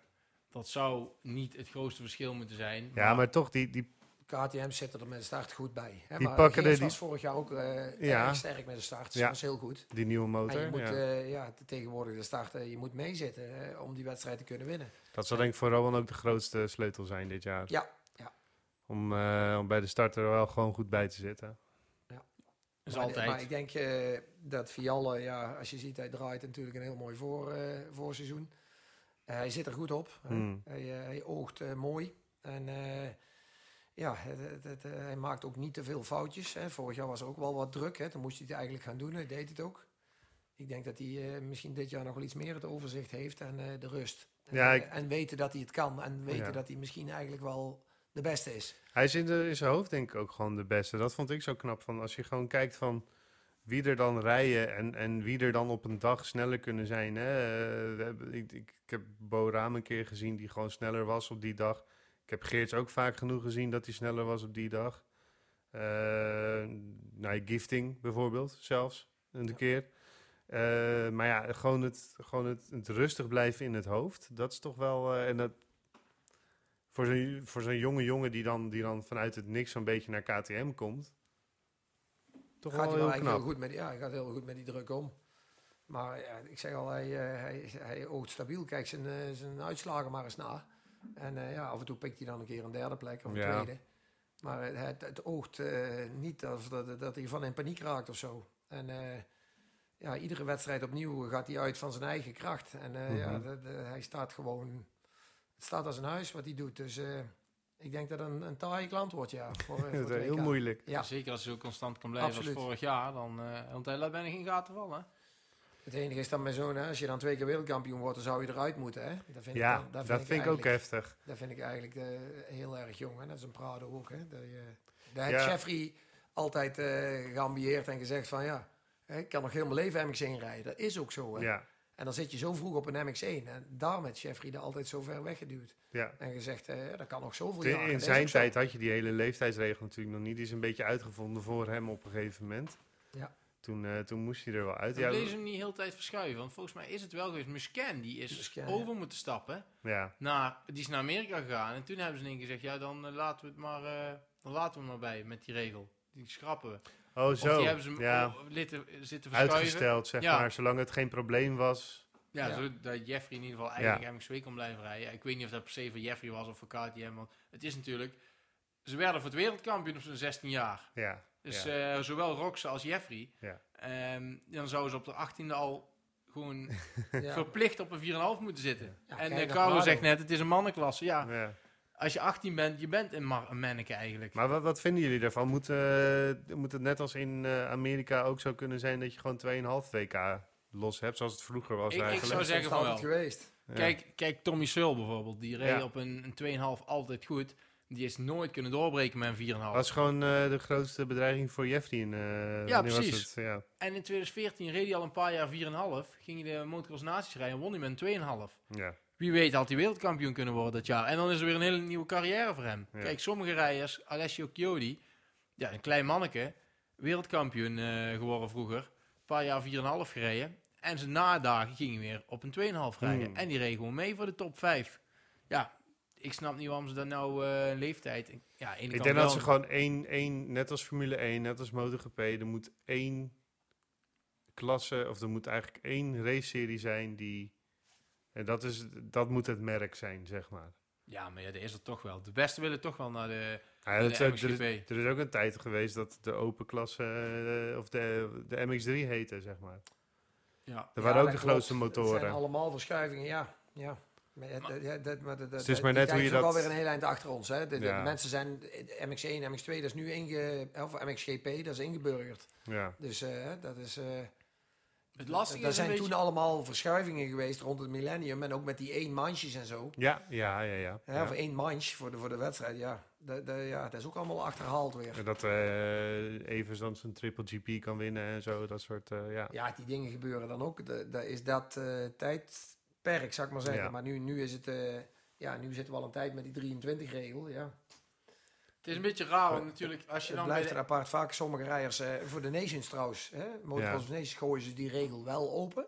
Ja, Dus een 2,5 rijder mag, eh, qua leeftijd is niet belangrijk bij Nations. Dus je Nee. mag inzetten wie je wil. Dus ja, dat is een beetje de oude regel. Hè, dat er ook een, eh, een jongen boven de 23... eh, maar ja, ja, vroeger ook. Je had ooit eh, 125 rijders. En er Ja. waren heel zijn leven 125 rijders. Kijk, en ja, je hebt gelukkig dat, eh, ik denk dat we in Nederland voorlopig nog met een luxe probleem zitten. Maar ik heb er wel eh, over nagedacht van wat nou als je geen MX2-rijder hebt, of je dan toch Glenn eh, op die 2,5 neerzet. En, eh, Ja. moet, hij, moet hij wel accepteren dat hij misschien een keer niet gaat winnen? Ik denk dat dat toch wel, eh, ja, voor, voor Nederland als het moet, doet hij het denk ik wel. Maar hij was, hij was laatst weer aan het rijden trouwens met die, eh, met die Yamaha 2,5. dat heeft hij een keer geprobeerd. Ja, ja. Ook wat Lars zegt, hè, met die 2,5 eh, gewoon eh, de agressiviteit en hè, een Ja. keer het, het speelse en hè, een keer jezelf eh, uitproberen. Vaak doen ze dat eh, om, je, om zichzelf een keer te triggeren of Hmm. eh, eh, weer dingen te ontdekken. Hè, het verschil 2,5, 4,5. Dus eh, ja, Glenn die, zei, die zei ook, ja, dat was gewoon leuk om te doen. En eh, dat brengt weer dingen aan het licht. Hij zei van, oh ja. Kan wel even plezier denk ik ook, hè? Ik denk gewoon dat sowieso MXGP blijft toch de koningsklasse. En ik denk dat het alleen maar beter zou zijn voor de cross om ehm, de MX2 gewoon open te maken voor, eh, voor iedereen. Dat ze gewoon terug kunnen. Ook al, want je ziet ook zo, er zijn een x aantal GP's, of fabriekteams, fabrieksteams. En de plaatsjes zijn gewoon bijna al vol. Ja. Je zit ooit op een twintigste plek, rijdt een oud wereldkampioen. Tixier rond bijvoorbeeld. Kel- ja, Kelvin Vlaanderen ook bijvoorbeeld. Die kreeg ook nauwelijks een, eh, een plekje meer voor dit jaar. Ja, precies. En het lijkt net alsof er de laatste jaar bijna niemand gestopt is. Ja, nou toevallig Dessal en Ja, eh Paulin. Maar jaren ervoor zijn er jaren nie- is er niemand gestopt. Maar Ja. wel ieder jaar komen er nieuwe rijders bij. Dus het loopt maar vol en het loopt maar vol. Ja, ze duwen elkaar van de stoel af. Ja. En het wordt ook een keer, er komt ook een moment dat KTM niet eh motorfabrikanten kan blijven overkopen. Hè. Die zijn ook op een gegeven moment op. Ja, precies. Dus ja. we zullen niet... echt- Ja, nou, Beta is erbij gekomen. Ja, Beta is erbij. Ja, ja. Maar ja, Aan de andere kant is het natuurlijk wel een, eh, een, eh, een, een, een surplus aan eh, Grand Prix winnaars en wereldkampioenen, wat in één klasse samen komt rijden. ja, ja. Hè, dus eh, het, ja, het is eigenlijk de bedoeling is de crème de la crème natuurlijk tegen elkaar te hebben. En eh, ja, Ja, alleen je hebt geen weg terug ook meer. Dat is Nee. het vooral. Dus, die dus die toplaag die wil misschien sowieso die strijd met elkaar wel aan. Dus dan, dan is dat puntensysteem wat ze dan in Amerika hebben bijvoorbeeld, zou daar misschien weer beter voor werken. Ja, Alleen dan zou iemand als Tommy Sul nog steeds over moeten als hij wel wereldkampioen wordt in de dat MXC. klopt. Dus Maar ja, dan, als je wereldkampioen werd, dan staan er ook in de MXGP weer teams te wachten Ja. voor jou. dan is dat geen probleem. Nee, precies. Dus je krijgt, als je een aantal mindere jaren of je bent geblesseerd geweest, Hmm. ja, hoe, kun je, hoe heb je je eigen kunnen bewijzen? En er zijn 15 supergoeie rijders. Ja, Ja, moet je dan zelf maar een motor kopen en GP's gaan rijden? Dat is al bijna niet meer mogelijk. nee. Zeker niet op dat niveau, want je bent, het zijn allemaal eh, professionals.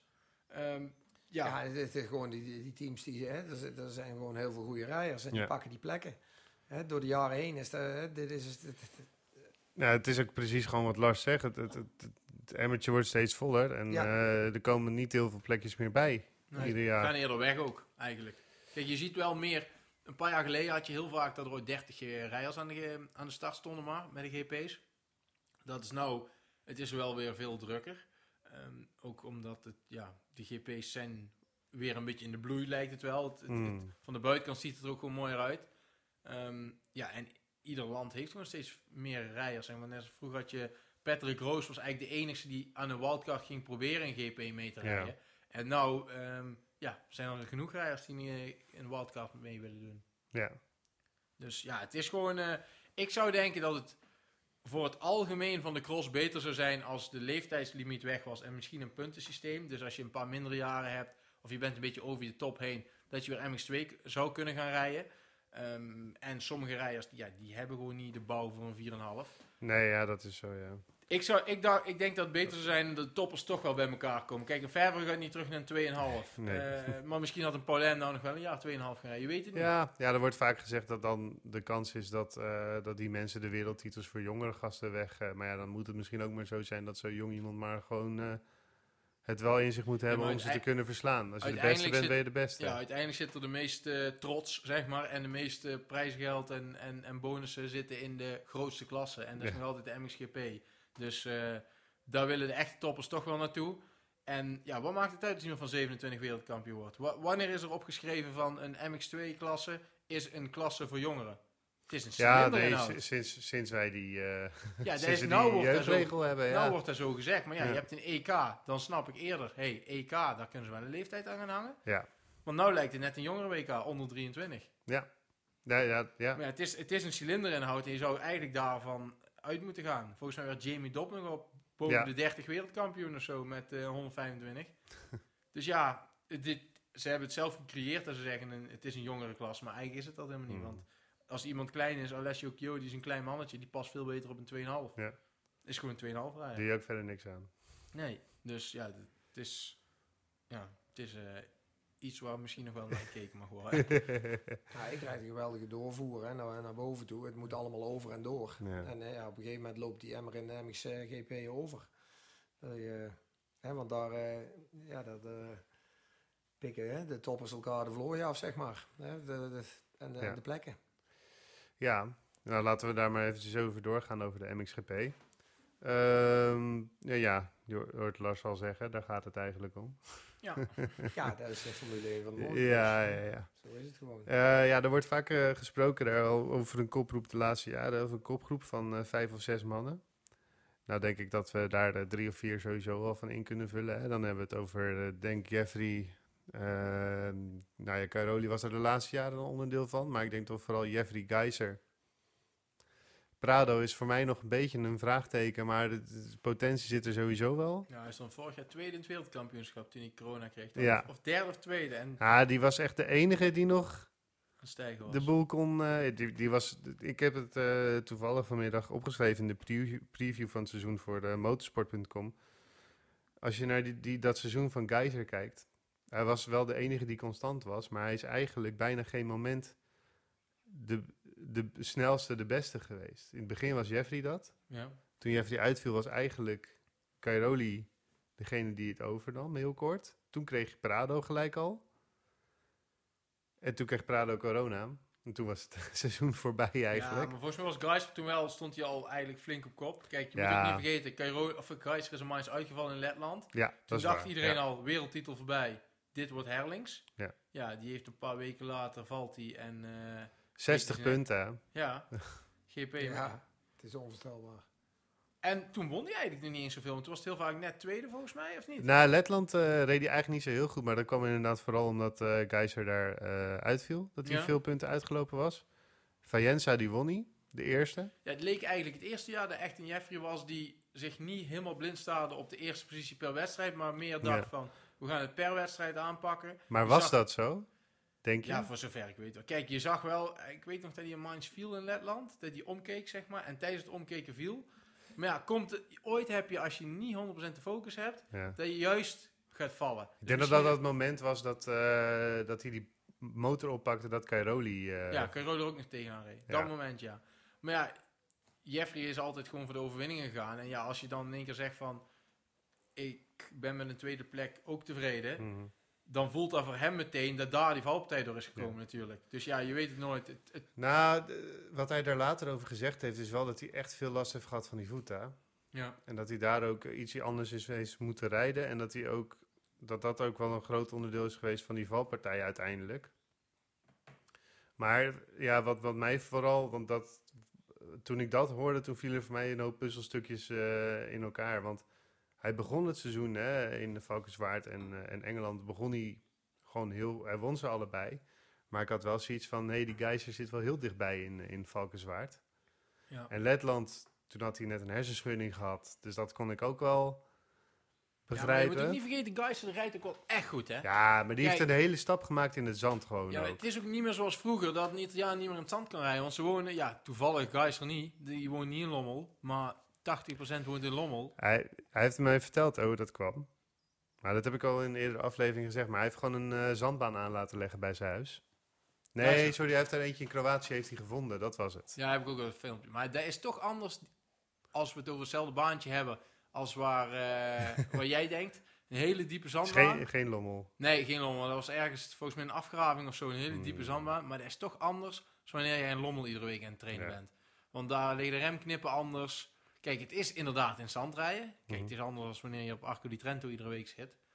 Maar het is toch anders. Ik denk toch, ja, een wedstrijdbaan in Lommel ligt ook altijd anders als wanneer je daar gaat trainen.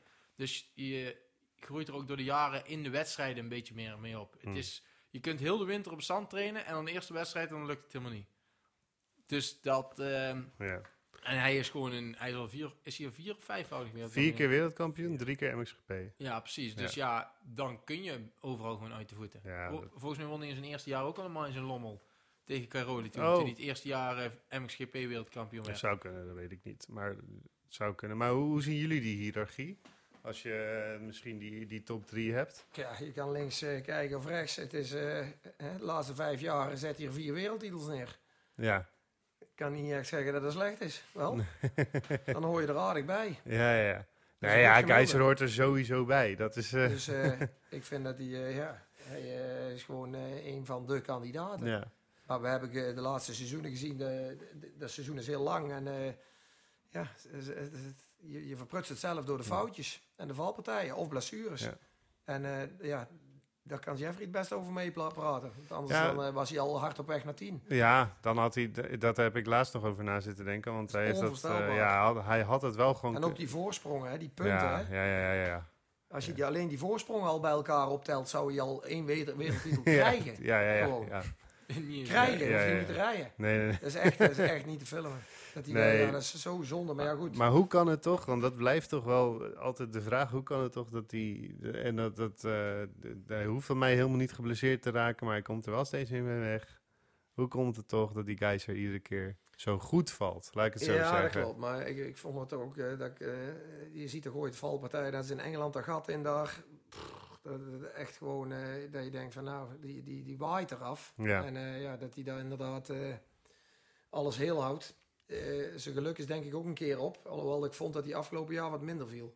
Maar eh, ja, hij heeft inderdaad eh, hier en daar wel wat geluk aan zijn broek hangen. Ik denk wel dat het toch ook te maken heeft met, kijk, als jij een heel flexibel lichaam hebt. Kijk, ik weet niet hoeveel die met strekken en zo doet. Ja. Je kunt natuurlijk wel de kans op blessures iets kleiner maken als je iets flexibeler bent. Kijk, ik zal niet zeggen, als hij zoals hij daar in Engeland toen viel, zal je niet met rekken en strekken in de ochtend. Nee. eh, dat moet gewoon goed uitvallen. Ja, Maar een, een, een knie even verdraaien of Ja. net verkeerd vallen. Maar ik denk, dat het, ik denk juist dat, het- dat zijn kracht hem zit in wat daarvoor gebeurt. Dat het, dat het gewoon meer valtechniek is. Of, want dan verdraai je die knie niet. judo geleerd bedoel je? Ja, ja Nee, eigenlijk wel. Ja. Het, het moet altijd gewoon goed uitvallen. En misschien ja, heeft Geiser iets meer geluk. Maar aan de andere kant, geluk dwing je af. Ja, als je valt ooit, dan heb je wel keren, dan val je zo hard. En dan denk je, oh, ik sta nooit meer op. En je knippert één keer met je ogen, niks aan de hand. Hm, En de andere keer val je om en je breekt sleutelbeen. ja. Het moet ook maar net goed uitpakken.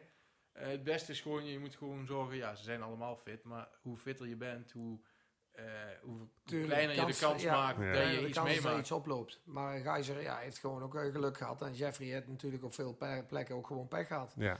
Bijzonder aan Jeffrey vond ik, ik heb ongeveer al zijn jeugdwedstrijden gezien. Hè, toen in, in de tijd dat ik zelf alle jeugdwedstrijden als hobby in Nederland afging. En daarna ook nog met de KNV. En eigenlijk tot zijn, nou vooruit, wereldtitel in Heerde. Bij de jeugd eh, was Jeffrey eh, één grote kracht had. En hij viel nooit Hm. met die snelheid die hij had. En eh, ja, dat vond ik een heel sterk punt voor een jonge rijder. En eh, dat was een teken dat hij het super onder controle had. Maar Jeffrey is natuurlijk een winnaar. En ja, Jeffrey is echt iemand. ik heb vroeger zelf al met Peter gereden, maar ja, Jeffrey die gaat tot het gaatje. En eh daar heeft hem ook groot gemaakt. En dat is hetzelfde als, eh, goed, die wereldtitels zou hij niet aan denken. Maar nu die 101 Grand Prix overwinningen, ja. die moeten en die zullen eraan gaan. En dat is Jeffrey. Ja. Dat, is, dat is denk ik ook, daar is hij uniek in. Kan dat dit jaar al gebeuren, denken jullie? Als hij die vaart krijgt van eh 18? 18 Ja. dan, dan komt hij eraan nog. Ja. En ja, dat, dat kan toch zomaar weer dat hij in die flow vorig jaar ook inderdaad, waar Lars zei, Letland even stroef. Maar ja, in Faenza slaat hij aan het winnen. Ja. En eh, ja, wat, wat, wat- niets wees erop dat hij de winnen niet verder zou kunnen zetten. Dus eh, Als hij is die, eigenlijk maar die een leuk valletje in een, in een Ja. uitrijronde. Ja. als hij die vaart weer krijgt en hij gaat ze winnen, dan eh, ja, dat is Jeffrey. Die tikt ze één voor één af. ja, ik had op dat moment ook gewoon, was het ook gewoon duidelijk wie de wereldkampioen werd. Want eh, er was geen twijfel meer over, Nee. zeg maar, op dat moment. Nee, en toch eh, komt er dan Toch gebeurt weer. Zand in de machine. Maar Ja. ja, dat, dat is cross. En dat is ook cross van de laatste eh, ja, eh, decennia. ja. Zo is het gewoon. Die blessures. ja, en vorig jaar was het helemaal een afvalrace. Vorig jaar was natuurlijk ook die wedstrijd die heel kort elkaar Ja, opvolgden. En je moet ook iedere keer weer mentaal voor klaar zijn. En vergeet ook niet, kijk, we kunnen zeggen van ja, maar ze gaan ook door de week trainen. Maar trainen is altijd heel andere intensiviteit als wanneer je een wedstrijd hebt. Want je hebt heel die wedstrijddag, de spanning. Je weet dat het op de punten gaat. Je zult altijd tot de laatste ronde doorgaan. Of je nou die dag wel helemaal fit bent of niet. Je gaat tot het gaatje. Hmm. En twee dagen later moet je het weer. En in Italië met, ik weet niet hoe warm het bijvoorbeeld is. Het is toch, het vergt meer van je. En een klein foutje wordt dan vaker harder afgestraft. En ja, dat denk ik niet dat het geval was bij Jeffrey. Die had gewoon pech dat hij in een modderstuk viel. En ook lullig viel. Ja. Eh, maar ja, die andere rijders... Ja, misschien heeft het met... Jij, je- wij weten niet hoe hun zich eigen, zijn eigen voelen als ze aan het rijden zijn. Misschien zitten ze er al helemaal doorheen na vijf Hmm. minuten. Omdat ze week achter week die mindjes hebben. Maar ja, de kans dan om iets te corrigeren wordt dan moeilijker. Gewoon omdat Ja. ze ja, moe zijn. Of, eh, We zitten gewoon even niet meer in, dan is het gewoon leeg. Ja, maar ik zei al, dat is ook eh, de manier van wedstrijden. En ook eh, de- het hele circus is gewoon daarin veel groter geworden. En Ja. veel, veel professioneler als, als vroeger. Hè, 12 wedstrijden of 20, dat is gewoon een wezenlijk verschil. ja, Dus, zeker weten. en dan op een baan dat je zegt van, hè, dat is even niet eh, hallo. Hè. Mhm. Dat is ook, eh, dus We hebben veel eh, luisteraarsvragen gekregen om daar eventjes eh, naartoe te gaan, want daar, sluit het wel een beetje bij aan. We hebben eigenlijk twee kampen. Hè. De een die vraagt wie kan eh Geiser van zijn volgende titel afhouden, Eh, Jeroen Kuipers bijvoorbeeld. En de ander die zegt wie kan Herlings van de wereldtitel afhouden of wie, kan, wie moet Herlings verslaan. Gaat het echt om die twee? Ik denk dat Prado dit jaar ook echt goed gaat doen. Dat je daarvan gaat zitten kijken. Want je moet niet vergeten, ik heb die starts gezien van hem. Nou, 99% van de tijd pakt hij kopstart. en als Prado een gat zou kunnen slaan de eerste paar rondes van 6 seconden bijvoorbeeld. En een Jeffrey zit op een zesde plek en die moet er eerst vijf ja, voorbij. ja, ja. En dan het gat nog dicht gaan rijden. Ja, dan begin je gewoon ja, Jeffrey heeft de laatste tijd niet zo vaak met kopstart. Het is de laatste tijd wel beter geworden. Mhm. Kijk, de Bullet, die naam kreeg je omdat hij begin altijd kopstart nam. Maar eh, ja, als je van de zesde plek terug moet komen, dan moet je gewoon wel eerst die afstand overbruggen. En dan moet je gewoon meer risico's nemen. En Prado kan dan even misschien een beetje sparen. Prado is ook, een, ook iemand die zich gewoon niet... Die gaat ook gewoon echt niet aan de kant, hè? nee, maar ja, het gaat daar ook om de wereldtitel. bij. Ja, maar dat, dat hebben we ook gewoon in het verleden gezien, zeg maar. Dat hebben we ook gezien met... eh, eh, nou ja, toevallig, omdat ik Mark veel spreek, het jaar dat Jonas kampioen werd. Had, hij, had Prado ook niks te zoeken. Rijdt hij ook altijd in de weg. Het jaar ervoor met Jeffrey in Assen. Kunnen we ook nog allemaal wel herinneren, denk Ja, maar je ik. moet niet Ja. vergeten, kijk, die doet misschien de eerste keer mee, maar hij rijdt wel op kop in een GP. En, Ja. en dan is Ja. het maar zijn eerste GP. Maar je bent, ik weet niet hoe oud ik toen was, ik denk 15. Ja, zoiets. Ja, je rijdt ja, ja, op kop in een GP en dan denk je, ja, luister, eh Herlings heeft er al eh, toen meer dan 50 gewonnen. Ja. Je ligt op kop in je eerste GP, wie doet je wat? Je blijft gewoon, ja, ik snap. Ja, die Herlex moet er maar voor zorgen dat hij er voorbij komt op ja, dat en oké, moment. het was Assen, dus je had daar, als je lichter was, echt wel voordeel. Hmm. Want het was toen, die, dat was de tweede mines, helemaal vlak geschaafd. Want de eerste mines was het daar kei diep, reed ik hem voorbij. ja, ja. Tweede mines, ja, hij mocht s'avonds naar het podium. Ik niet. dus dat is het verschil. Het was wel voordelig daar dat hij veel lichter was natuurlijk als Jeffrey. En Jeffrey was toen aan de zware kant op een 2,5. Maar ja, ik snap ook wel, ja, als je dan op kop ligt Hmm. en je krijgt geen orders, want misschien had hij... Sommigen krijgen orders natuurlijk, maar ja, Ja. Hij, hij kon daar niks verliezen. Dus ja, als je op kop ligt, dan, en zeker met die mentaliteit die hij heeft, ja, waarom probeer je de match niet te winnen? ja. Ja, ik, denk, ik denk dat je, je, je krijgt een soort ja, groepje van, eh, ik denk Herlings, Geiser en Prado. En ik denk dat dat groepje daarna, daar zitten een, een, een- Glen, een Fabre, een Cairoli, Siever misschien. eh Zeeuwer ook zeker, ja. ja. En, en, die- maar die, die, eh, ja, die kunnen eigenlijk overspringen uit dat tweede groepje Ja. naar de eerste. En dat zal eh, zich in het seizoen ontwikkelen. ja, kun je nagaan. en- Het is al de top 10, hè? Bijna, die je Ja. dan al hebt. Ja, ja, ja. Ja, en dan heb je Jonas nog niet genoemd, bijvoorbeeld. ja dus afwachten hoe eh Ja. terugkomt en eh, een Olsen het oppakt. eh, en, eh, Bogers terugkomt van zijn blessure Jonas, straks. een Bogers, ja. We Eh, hebben heel wat- veel wat Watson doet. en eh, ja, inderdaad. Dus eh, ik denk dat dat het kopgroepje is, hè, met, met Jeffrey voorop, natuurlijk, want we zijn Nederlander. dus, eh, en dan eh, een Geiser en een, eh, een Prado. En dan denk ik dat er een soort achtervolgende clan zit, Hmm. hè, met, met die vier, vijf rijders. En ja, ook blessures en het seizoen, dat zal afwachten zijn hoe, die, hoe die zich daar naartoe... eh, hoe, de- hoe dat zich ontwikkelt en Ja. of die rijders zich daarmee kunnen gaan bemoeien. Kijk, een Zeeuwer wordt toch ook twee keer tweede. En ja, die timmert ook aan de weg. Dus, eh, en hij heeft bewezen dat hij er een heel jaar bij kan zijn. Ja, dus als er ergens weten. steekjes vallen, is hij er. Ja. Dus ja, die is er altijd om de scherf op te rapen. Daar hoef je, Ja, niet, eh, daar ja, hoef ja. je niet in te Ja, vergissen. won vorig jaar in Mantova ook nog de GP. Toen eigenlijk was volgens mij alleen Jeffrey toen afwezig. Won dus zijn eerste GP. Ja. Dus het is ja, eh, die mannen, die, is- ja, dat is het maar groepje ook waar je- mogen wat Carlo een zegt. Glen en een Fabre. Hè. Fabre heeft in, bewezen, in het verleden ook bewezen. Maar Ja, jaar ook constant GP zijn en het gewonnen. scoren is, het, eh, is Glen ook een hele sterke, hè, sterke dingen.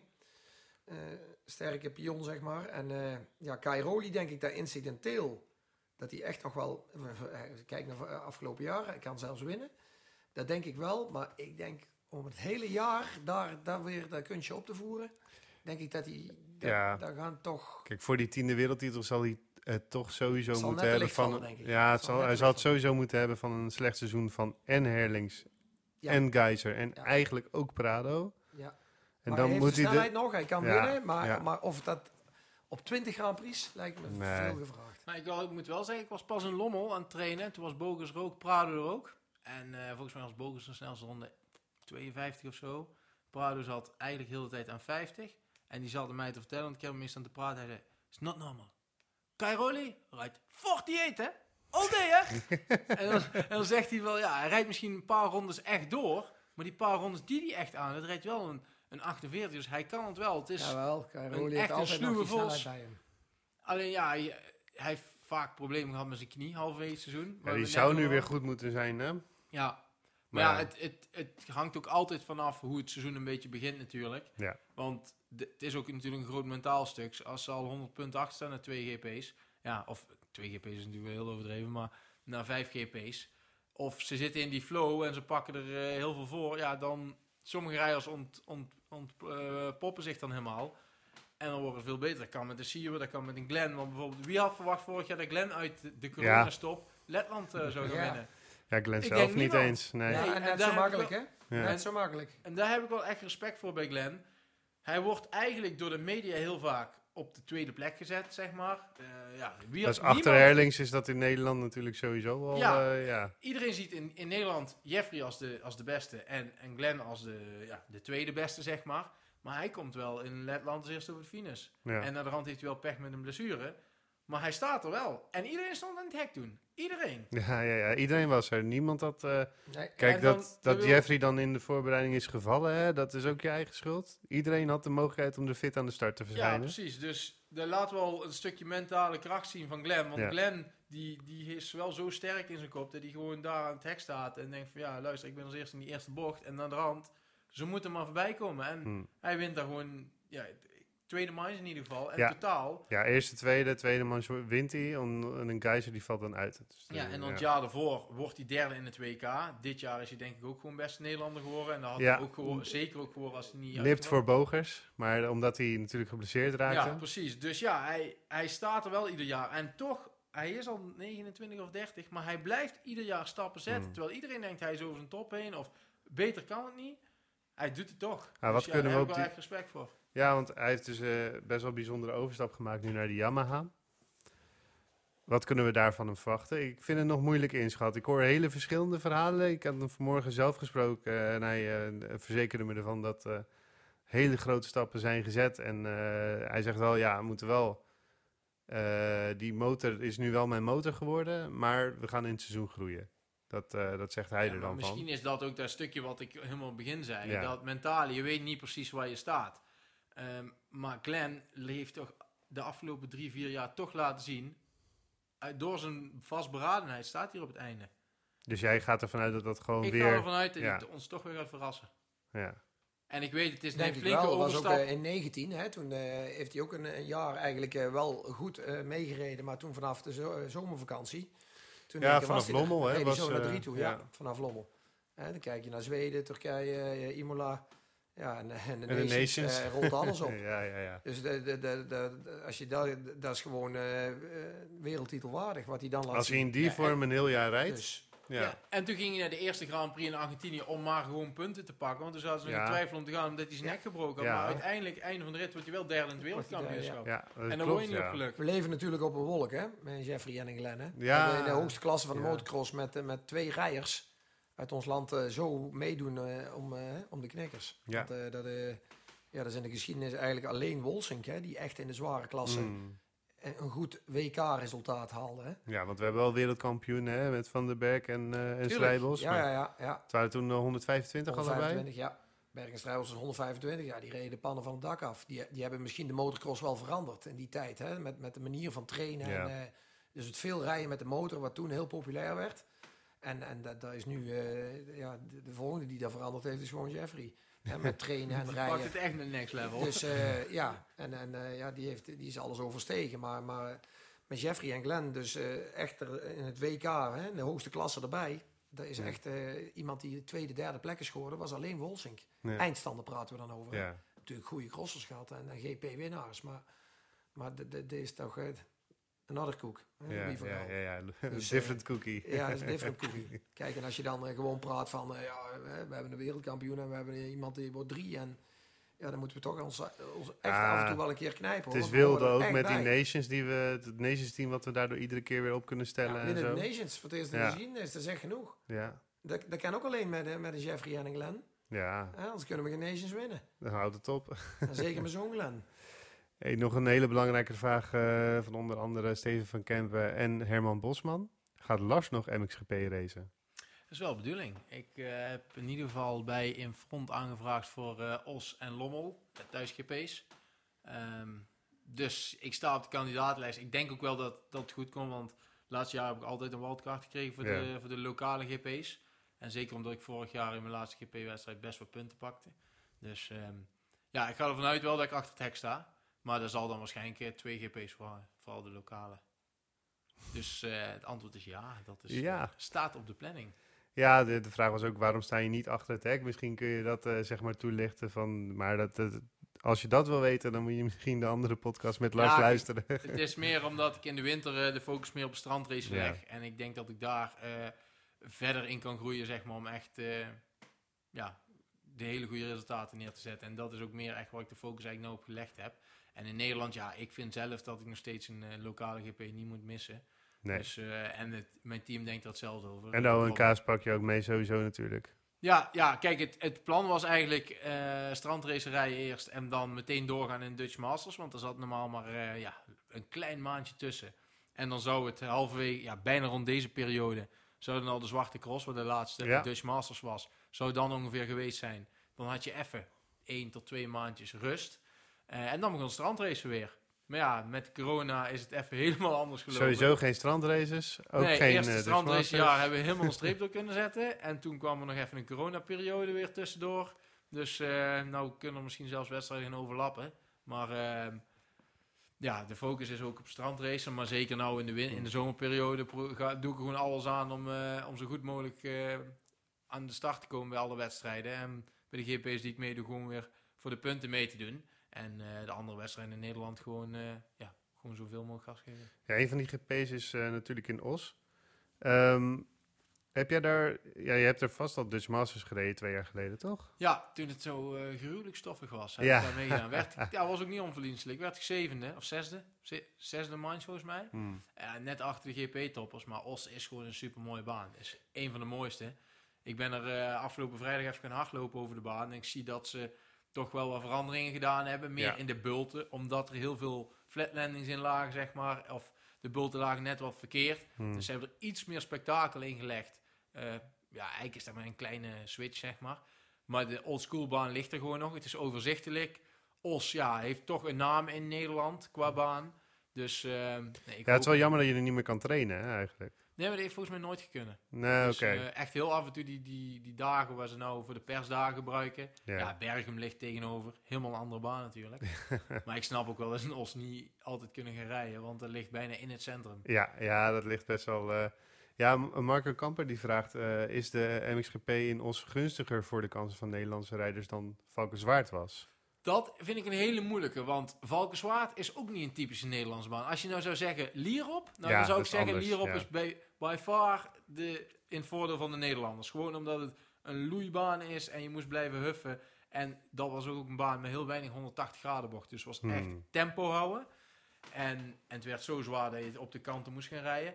Valkenswaard en Os, ja, dan denk ik daar bijna Os ietsjes Nederlanders, Nederlandser komt te liggen. Zeker als ze gewoon goed de baan sproeien. Ja, het hangt natuurlijk geheel vanaf wat ze met die baan gaan doen. Ja, precies. En dan denk ik dat ja, sommige punten in Os zijn ook wel echt wel hard. Een paar chicanen voordat je de laatste keer, ene laatste keer naar beneden springt, is wel hard. Mhm. Maar als ze daar gewoon de baan goed sproeien, dan denk ik dat, ja, eigenlijk is het gewoon bijna vergelijkbaar als met Volkswaard. En je moet niet vergeten, Volkswaard is altijd op het begin van het seizoen. Dus dan is het veel natter. En dan is het echt Nederlands. Afgelopen jaar was super Nederlands. Ja, Maar ja, we hebben nou, eh, zitten we bijna in de zomer. Of we zitten eigenlijk al in de zomer. en zeker op zo'n vuilnisbelt was zo'n baan dan knoephard. ja. Ehm, maar stel, de, gezien dezelfde weersomstandigheden, denk ik dat Os iets sneller zandriger Ja. wordt als een Valkswaard. Ik, ik Ik kan ervan ja, ik heb er eigenlijk helemaal niet naar gekeken. Ja, maar Carlo, lijken qua dingen, het zijn toevallig dan eh, allebei oude vuilstorten, zeg Ja, maar. Hè? ja. En die zijn afgedekt met, met een soort zwarte grond. En eh, ja, daar zitten toch eh, hardere ketsers en, en dingen onder. En dat is inderdaad, als je een lange periode droog weer hebt, met, met eh, veel zon en weinig water, ja, dan zal het zomaar eens kunnen zijn dat die banen wat, wat, wat buitenlanders, buitenlandser aandoen dan wat wij gewend zijn. Je kunt het niet vergelijken met ba- bosbanen of net als bijvoorbeeld Lierop. Eh, dat is echt zanderig. En, eh, maar goed, als ze, hem, eh, ze moeten hem prepareren en Ja. als ze misschien wat, wat, wat lostrekken en goed inwateren, wordt hij toch altijd dieper. Dus dat is voor de Nederlanders op zich goed.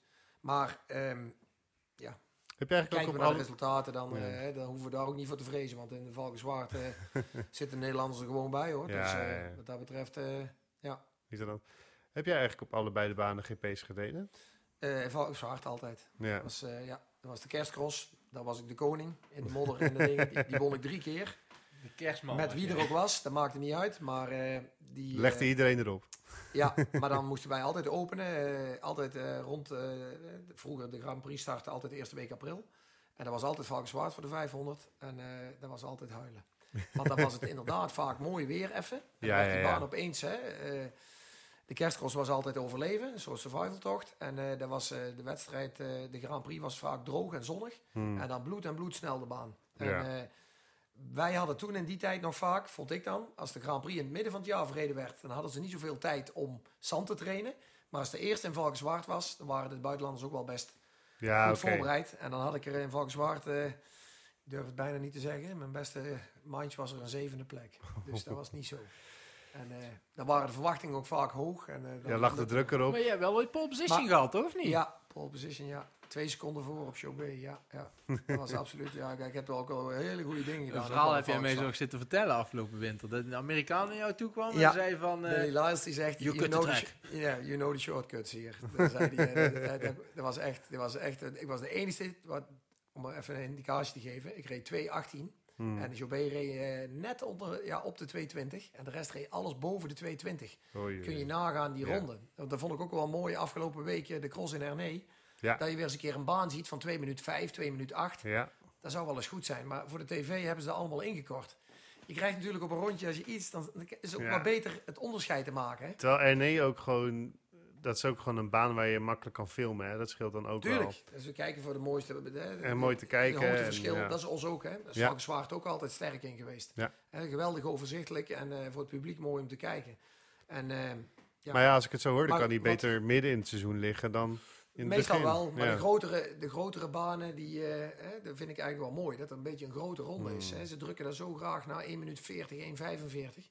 En dan zijn de verschillen klein. Ja. En dat is voor de tv wel leuk. Kom je ook snel, ja, dan kom je ook sneller het achterblijvers tegen en Ook zo. wel, en dan, ja. ja. ja, die Maar- kom je toch wel tegen in de Grand Prix natuurlijk. Ja. Of in Ja. ieder geval de toppers. Maar ik heb in Jij, Valkenswaard... jij, jij wordt vaker gelapt, of? ja, eh, ja, inderdaad wel. Ik heb in Valkenswaard heel veel Grand Prix gereden. En eh, in Os nooit. nee. Dat was toen in 125. En ja, 125 Grand Prix is een paar keer geweest. Maar waarschijnlijk wel ONK's of wat. Of, eh, Eh, ja, ONK's Ja. wel. Ja. ja, ik ben benieuwd. Ja, ja, zeker een mooi circuit. En eh, het, ligt heel mooi. Het is een bijzondere plek, hè, zo kort Ja, bij de stad. ja. En hè, dat, is, dat is een keer iets, iets anders. En Ja. het is een heel groot terrein en het ligt in een soort kuil natuurlijk. ja Voor het publiek en voor te kijken is het machtig mooi. super. Ja, En daar super. gaat het ook om. Hè. Het publiek mag ook wel eens verwend worden. Ja, nou, nu helemaal. Dus laten we hopen dat ze erbij, dat ze erbij kunnen zijn. Om maar eventjes die, die twee klassen af te sluiten, wil ik toch nog eventjes een voorspellen uiteindelijk. Mm, Wie, wie, wie wint Rusland, Lars, en wie wordt de kampioen? oeh, Rusland. Wie wint Rusland? Eh, MX2 beginnen maar. Oh, MX2 beginnen. Dan ga ik voor een... een ik denk... Ja, Godzakkers, dat had ik niet eh, gedacht dat ik dit moest gaan zeggen. Maar ik denk dat verrassend gaat winnen Beniestand voor Renault. En derde wordt eh Bieten. En MXGP, wie wint hem daar? Even kijken, die is natuurlijk betonhard. Dan denk ik Keizer voor Herlings en Verve. Oh, mooi. En wie En- wordt de kampioen? Ik denk toch Jeffrey. Ik denk Jeffrey voor Geiser en Koldenhoff voor drie. Dat denk ik. Vind ik wel mooi. En Siewer dan een keertje in die tweede. Ja. En MX2? Mm, wordt denk ik toch... eh, Oeh, ik ben net helemaal Vial vergeten in mijn eh, voorspelling. Nee, ja, hij staat er nu al op. Dus, ik eh, denk wel dat ehm Vial wereldkampioen wordt. Ik hoop eigenlijk Jet beaten. maar ik denk... waarom, waarom hoop je Jet beaten? Ja, gewoon een hele goede vriend van mij. Heeft altijd... Heb jullie, jullie hebben niet samen bij... eh, nee, jullie hebben niet samen gereden bij FNH, hè? Maar Nee, hoe- nee, nee. hoe Hij ken je reed elkaar? eh, Carglass Honda en ik reed Vamo Honda. Op- hij reed Carglass Honda en ik Vamo Honda op dat moment. En eh, ik kende de eigenaar van het team goed. Nee. Dus ik trok heel veel met hem op. Ehm, dus eh, ja, ik denk dat Vial wereldkampioen wordt. Pieten 2 en eh Rowan 3. Vind ik ook mooi. Geen Geert. Nee, je zit met zijn knie. Nee, Ja. ja, kijk, wat ik voorspel wil niet meteen zeggen dat, ik- het zo wil natuurlijk. Kijk, Nee, nee, nee. Dat is, dat is het lastige, want anders zeggen ze meteen, ja, je zegt geen Nederlander die wereldkampioen gaat worden. Dat is natuurlijk het lastige. Maar ehm, ja, ik eh, ben benieuwd of Carlo eh, denkt wie de wereldkampioen gaat worden. Ja, ik denk eh, Rusland, harde baan. Hè? Ik denk Frankrijk boven. Het wordt Vialle, Renault en Benny staan. Dat is 1, 2, 3 denk ik. En bij... ja, voor de Het gaat wel regenen, schijnt? MXGP. Gaat regenen, ja? Schijnt, Ja, maar dan het wordt kan... Het een ja. hele andere uitslag, denk ik. Dan Ik wordt, het even Bri- uit dan van- wordt het Brian die wint. Die Nou, de ja, laatste dag Brian, even ja. overvliegt. Ik, ik, eh, nee, als het, eh, ik eh, ga even uit van eh, pista beton. Ja, en, ja, dan, ja. eh, en dan denk ik eh, in MXGP, eh, ehm, denk ik, eh, ja, ik zat ook te twijfelen hoor, tussen... Ik denk, nou, misschien dat zo'n Favre het wel... Die heeft ook ja, een heel goed voorseizoen gedraaid bij hoor. Ja, ja, ja. Maar ja, ik hou als uit. Nederlander natuurlijk Jeffrey op één, waarom niet? En ehm, dan pakken we even Fabre en eh Geiser. Hmm. En dan zijn we allemaal zijn we Prado vergeten. Ja, die Ja, zijn vergeten. Want als die daar op start pakt, hè. Keiharde, ja, op het keiharde. Nou, ik, zie Je kan nog- er niet echt inhalen hè? ik zie hem nog iets liever op, de, op iets de grotere banen. Daar is het hard, hè. het is een beetje de Hmm, salbaan. Zo, ja. Dus, eh, mee. Dus eh, ja, maar goed, ik zet Jeffrey toch op één. Waarom niet? Dus, eh, En ook voor het kampioenschap dan? Eh, eh, eh, ja, de, de, de, de, eindstand WK, denk ik, ja, tuurlijk, Jeffrey, we zijn Nederlander. en ik denk ook Geiser en ik wil Glenn op drie, ja. Ja. ja, ja. Dus twee Nederlanders bij de eerste drie. Dat zou een unicum zijn. En voor jou ook voor jou dan bij... de, ja, ik denk Vial bij de, en, bij de MX2. En eh, tweede plek, ja goed, Geerts is nu natuurlijk de, een beetje in de...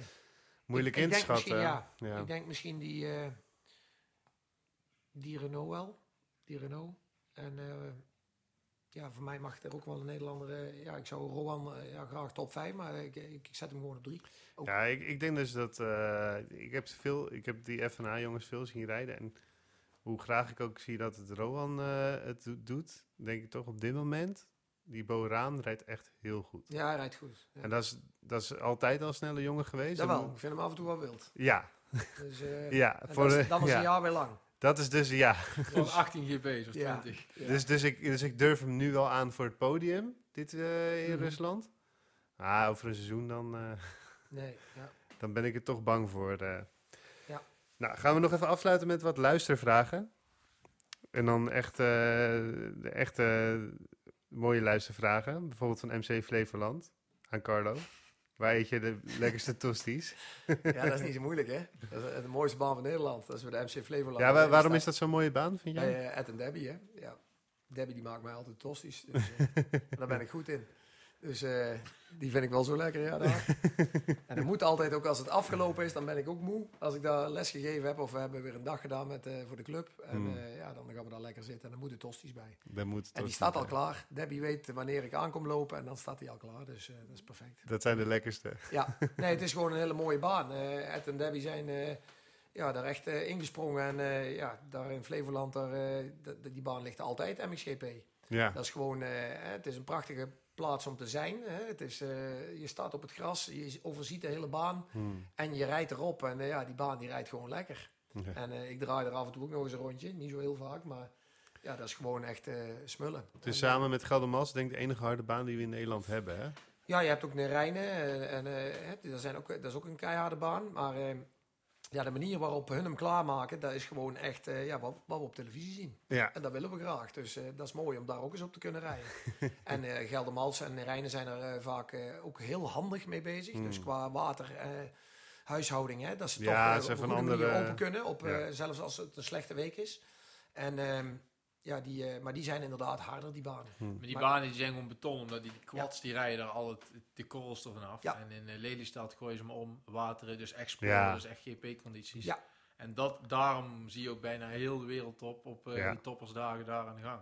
Maar Ja, daar ligt echt altijd... Maar goed, die andere banen, eh, die zijn gewoon hard. Daar moet je ook op trainen. Ja, ja, ja. En, eh, maar, maar Lelystad, eh, ja, die hebben gewoon... eh, Rij jij er eigenlijk nog wel eens? Die je strandcross en zo Ja, doet. ik ben de en, laatste eh, tijd echt weinig geweest. Eigenlijk een schande, ja. Maar eh, ja, heel de tijd... geen ik, ik moet heel de tijd in zand rijden, dus ik ben er eigenlijk eh, de laatste tijd weinig geweest.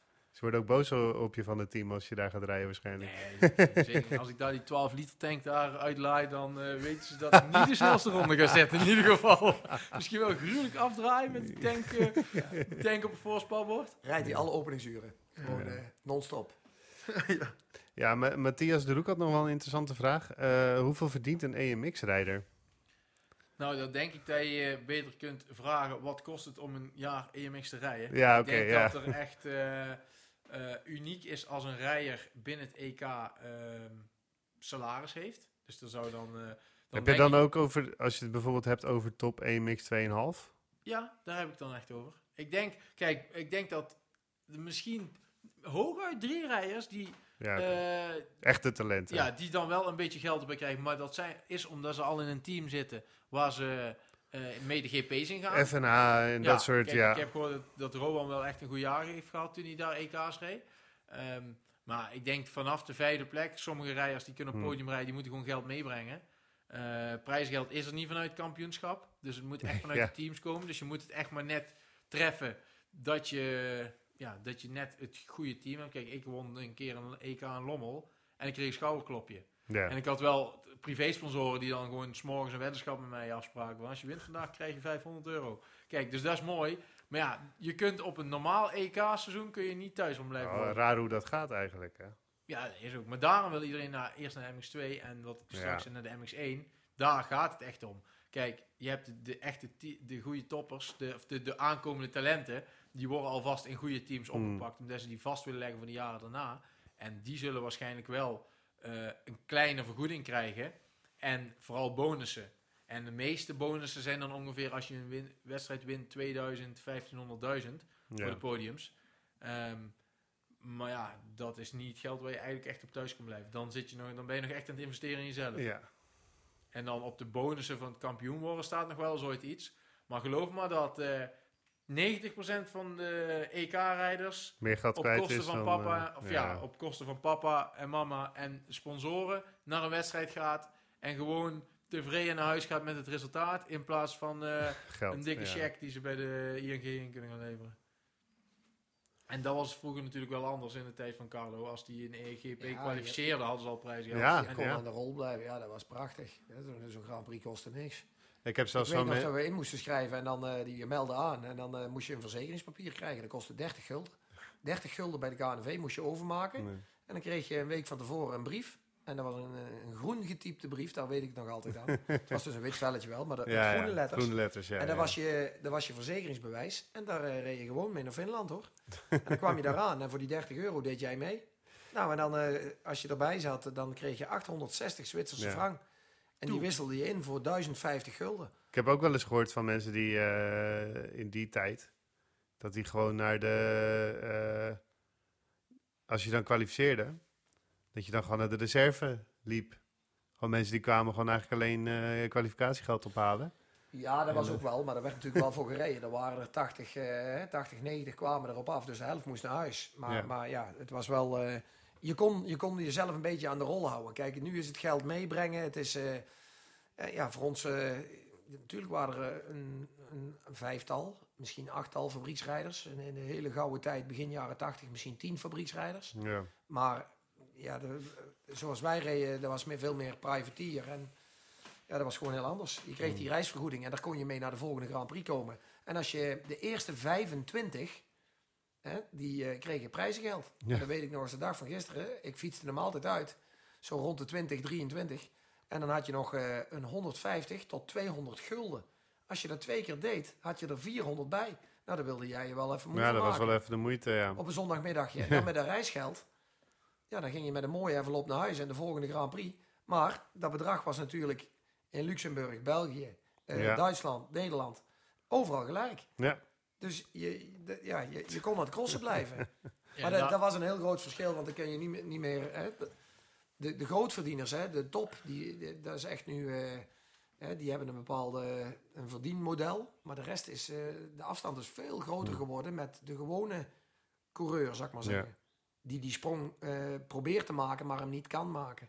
Die valt af, want die, die, die gaat er nooit redden. ja, op een gegeven moment had het op natuurlijk, die, eh, die middelen. Ja, en ik weet niet of dat de meesten weten, maar bijvoorbeeld ik krijg vaak de vraag van waarom doe je niet een GP mee? Eh, of pak toch even een GP'tje daarmee. Maar dat kost gewoon 1300 euro, hè, een wildcard. Je Hmm. moet 1000 euro inschrijving. Ja. Dan moet je een licentie voor die dag. Kijk, je kunt wel voor een heel jaar afsluiten. Dan is het van 2000 euro. Nou, dan laat zeggen dat het dan 150 euro per GP is. Maar ja, alles bij elkaar optellen is gewoon ongeveer 1300, eh 1300 euro per GP. En dan sta je alleen nog maar met je handtas daar. zeg Ja, dus ja. dan moet de motor moet nog klaar Er is nog niks worden. verder geregeld. Nee, precies. Dus dat is wat heel vaak over het hoofd gezien wordt. Want eigenlijk zijn wij daar de artiesten. Ja, Want ja, ik zal niet zeggen dat het volk voor mij komt kijken. Maar Nederlanders die in Os komen kijken, die komen ook voor de, de subtoppers Nederlands kijken. Ja, ik vind dat eh, de crossfans die komen er ook voor. Je hebt Ja, ook, maar die, oké. er ze schijnt ook een groep te komen die komt alleen voor André Hazes. Ja, nee, maar ik bedoel, de, de crosser komt natuurlijk uiteindelijk voor, voor een Jeffrey, een Koldenhoff en, en de top. Maar die willen ook voor de, voor de 18e of 15e of 25e plek, als er een Nederlander voorbij komt, Ja, willen ze die ook aanmoedigen. ja. Want die willen iemand extra hebben om naar te kijken. Alleen, dat is het rare. Die extra die daar moet rijden, die, moet, die is afhankelijk van sponsoren of vanzelf. Om daar in ieder geval aan mee te kunnen Dus doen. die En daar- 1300 euro, die moet je altijd wel weer rondkrijgen of weet ik veel wat. Ja, die moet toch gewoon op tafel komen daar En bij, de eh, rest. bij. Want anders Ja. eh, doet iemand anders het. Ja, nee. En, maar dat wordt heel vaak over het hoofd gezien. En trouwens, bij de EK's moet je ook gewoon 300 euro inschrijving Ja, betalen. heb jij dan ook nog gekeken naar die EMX Open klasse? Nee, eigenlijk dit jaar niet, omdat ik... Ja, Je hebt een contract voor de strandrace ja uiteindelijk. mijn dus- focus is nou vooral op Nederland en, eh, en strandrace. Maar, ehm, en omdat ik sowieso al Os zou normaal de planning was om GP te rijden. Ehm, dus ik heb daar niet echt naar gekeken, Hmm. eerlijk gezegd. En wie had verwacht wel- dat we nou nog, eh, nog steeds geen wedstrijd hadden. Kijk, nou begint het wel iets meer te kriebelen. Want ja, Ja, ja, ja. EK open. Maar dat is niet de, niet de hoofdmoot nou bij mij. Nee. Ehm, ja, deze vond ik bijzonder, eh, Carlo. Van eh, Bob Spanje. Was Hulse bang in de trein? Moet je toch eens uitleggen wat dat nou is? Ja, dat is een lang verhaal, maar dat was eh, tijdens een stage. Ja, daar had ik een paar jongens mee uit Heerden. Daar heb ik ook vroeger mijn crosskampen gehouden. En daar heb ik eigenlijk een best grote vriendengroep zitten. Daar bij de, de MSV, NOV. En die komen eigenlijk uit de buurt van Heerden, Nunspeet, de, de Wezep. Nou, en die gingen met mij mee naar Spanje, hadden een stage. En toen kwam er een zwerver. Toen, natuurlijk was er een rustdag. En op de dagje rustdag moesten we naar eh, Barcelona natuurlijk. Dus daar naartoe gegaan met zo'n soort metro-treinachtig ding. En eh, toen eh, op de terugweg sprong daar een zwerver in. En die zwerver begon lastig te doen tegen een van die jongens uit, uit Heerden. En nou, die, dat zijn gezonde jongens, dus die gaan niet voor een klein dingetje terugstaan. Dus, en zeker toen er natuurlijk aan... toen hij aan die vriendin begon te zitten en eh, bepaalde, nou ja, vervelende dingen begon te doen. Ja, en ja. eh, die gast die vloog daar eens even door die trein heen. En eh, daar zaten eigenlijk alleen maar het groepje van mij, van de stage in. En die zwerver. Dus, en ja, dat ging goed tot we helemaal alleen in de trein zaten. En het volgende station moesten we stoppen, stond de politie buiten, moesten we uitstappen. Was je, scheet je hem even of... En ja, nou, toen, inderdaad, toen moesten we daar, ja, zijn we nou niet direct ingerekend, want ze kende schijnbar die zwerver. Dus Oh, dat is een bekende. uitgelegd. maar die, eh, die zwerver die heeft er nog wel een nachtje plezier van gehad, dat weet ik zeker. Want die, eh, En die hadden ze even met eh, schoenmaat 48 eh, de andere treinwagon ingeholpen. en Carlo had ik ook nog wat tikken uit kunnen delen daar. Of, wat? ik, nee, nee, ik was, hun stonden al op voor mij. Dus eh, dat was zo, dat was zo, voor jou gedaan. die gezonde jongens die hadden zo geregeld. Daar had die zwerver geluk mee. Ja, dat denk ik wel. Maar dat was eh, Bob de Bouwer, ja, dat, ging even mis. Ja, eh, Wouter Groeneweg die vraagt ook... ehm, hoe heb je geleerd zo'n goed trainer te zijn? Ja, dat is bijzonder. Wouter ken ik ook van een training uit, eh, uit Spanje. En eh, ja, dat is een beetje zo gegroeid, denk ik. Het, het zat een beetje in mijn verhaal, maar ook wel een beetje in mijn rijden. Eh, wat ik, eh, ik heb heel lang eh, de- mijn trainingen mee voorgedaan met de motorfiets. En Hmm. Ja, wat ik, eh, wat ik vertelde, dat kon ik ook op de motor laten zien. En dat klopte altijd precies. En eh, ja, misschien dat Wouter daar eh, inderdaad goede herinneringen aan heeft. En, maar goed, ik ben 20 jaar onderweg, dus dat is wel... En ook de markt waar ik me dan nu een beetje op specialiseer. Ik heb heel lang bij de KNV dingen gedaan. En nu zit ik eigenlijk meer in het gewone segment bij, bij de junioren, de Hmm. nationale, maar ook de hobbyisten. En dat is vaak heel leuk, het plezier in de sport en de dingen. Stiekem hebben we ook gewoon heel veel crossers in Nederland, hè? Zeker, zeker. Er wordt heel veel, eh, en in de coronatijd is er heel veel gecrossed. En Ja. eh, iedereen eh, heeft zin en iedereen gaat toch veel rijden. Mhm. Want de cross heeft natuurlijk van alle restricties eigenlijk, als we wel zijn, heel bar weinig last gehad. Ja. Ik sprak vandaag Rins Bremmer, die zei dat er 20% meer startbewijzen en dan zijn er trainingsbewijzen afgenomen. Ja. want die zijn Ja. met die rookies bezig. Ja, Rinse Bremmer van de KNMV is Ja, dat. dus het wil wel zeggen dat het in de groei is en dan zal niet misschien de wedstrijden helemaal in de groei zijn. Maar er, zijn, er is toch weer een aanwas en dat komt natuurlijk door corona, ja. Ja, ook met die rookies, ja, met die nieuwe licenties, dan moet je op, op voor een soort examentje waar 350 of 400 nieuwe, die dus nog nooit een licentie daarvoor hadden gehad, zeg maar een Mhm, verzekeringsbewijs, dus eh, een trainingspas. Hij had er Dus- 400 afgewerkt nou. Of Ja. ja, licenties afgewerkt. En eh er stonden nog 600 in de wacht. Ja. Dus Oh, dus er kijk, zijn gewoon duizend. duizend nieuwe licentiehouders. En dat is dan misschien een districtlicentie. Maar Hmm. eh, Maar ik heb eh, het altijd heel duidelijk overgebracht. En eh, ja, ook duidelijk geweest naar de rijers. En ook eh, vooral het plezier. Hè? Op een Ja. leuke manier en een, eh, een beetje een Jip en Janneke taal. Want het is allemaal niet zo heel moeilijk. hè? Het is gewoon gas geven. Nou, klaar. Hoe was, hoe was dat dat jij voor het eerst met, eh, met Carlo ging werken, ja, ik Lars? kreeg altijd wielrennerscakejes tussen het rijden. hè. Ja, nee, ik denk dat ik de eerste keer dat ik echt met, met eh, Carlo ging trainen... Ja, dat zal misschien ergens in Nederland zijn geweest met, eh, met de selectie. Selectie eerst in. Nederland. Maar eh, ja, het meeste herinner ik me nog van de trainingen in Spanje. Eh, toen ik ja, 85cc reed. Toen eh, ja, gingen we altijd in het zuiden 150. bij Malaga. Ja, 150. Ja, klopt. Want ik heb nooit twee dag gereden in de jeugd. Of ja, wel 125, maar 85cc eh, was ik bij mij 150. En ehm, ja, toen was het altijd met Leon toen en met, met Carlo. En dat was altijd gewoon heel fijn. Ooit zat hij midden op de baan en dan zat hij aan te wijzen van nou links voorbij en rechts. Dus probeerde echt te zorgen dat je oplettend bleef. En eh try to play your own clutch. Dus dan moest je met het lichaam heel erg. Dat was, hij was Ja. echt van de techniek, niet echt Ja. van het pushen op rondetijden. Maar eerst zorgen dat je techniek goed is en vanuit daaruit verder bouwen.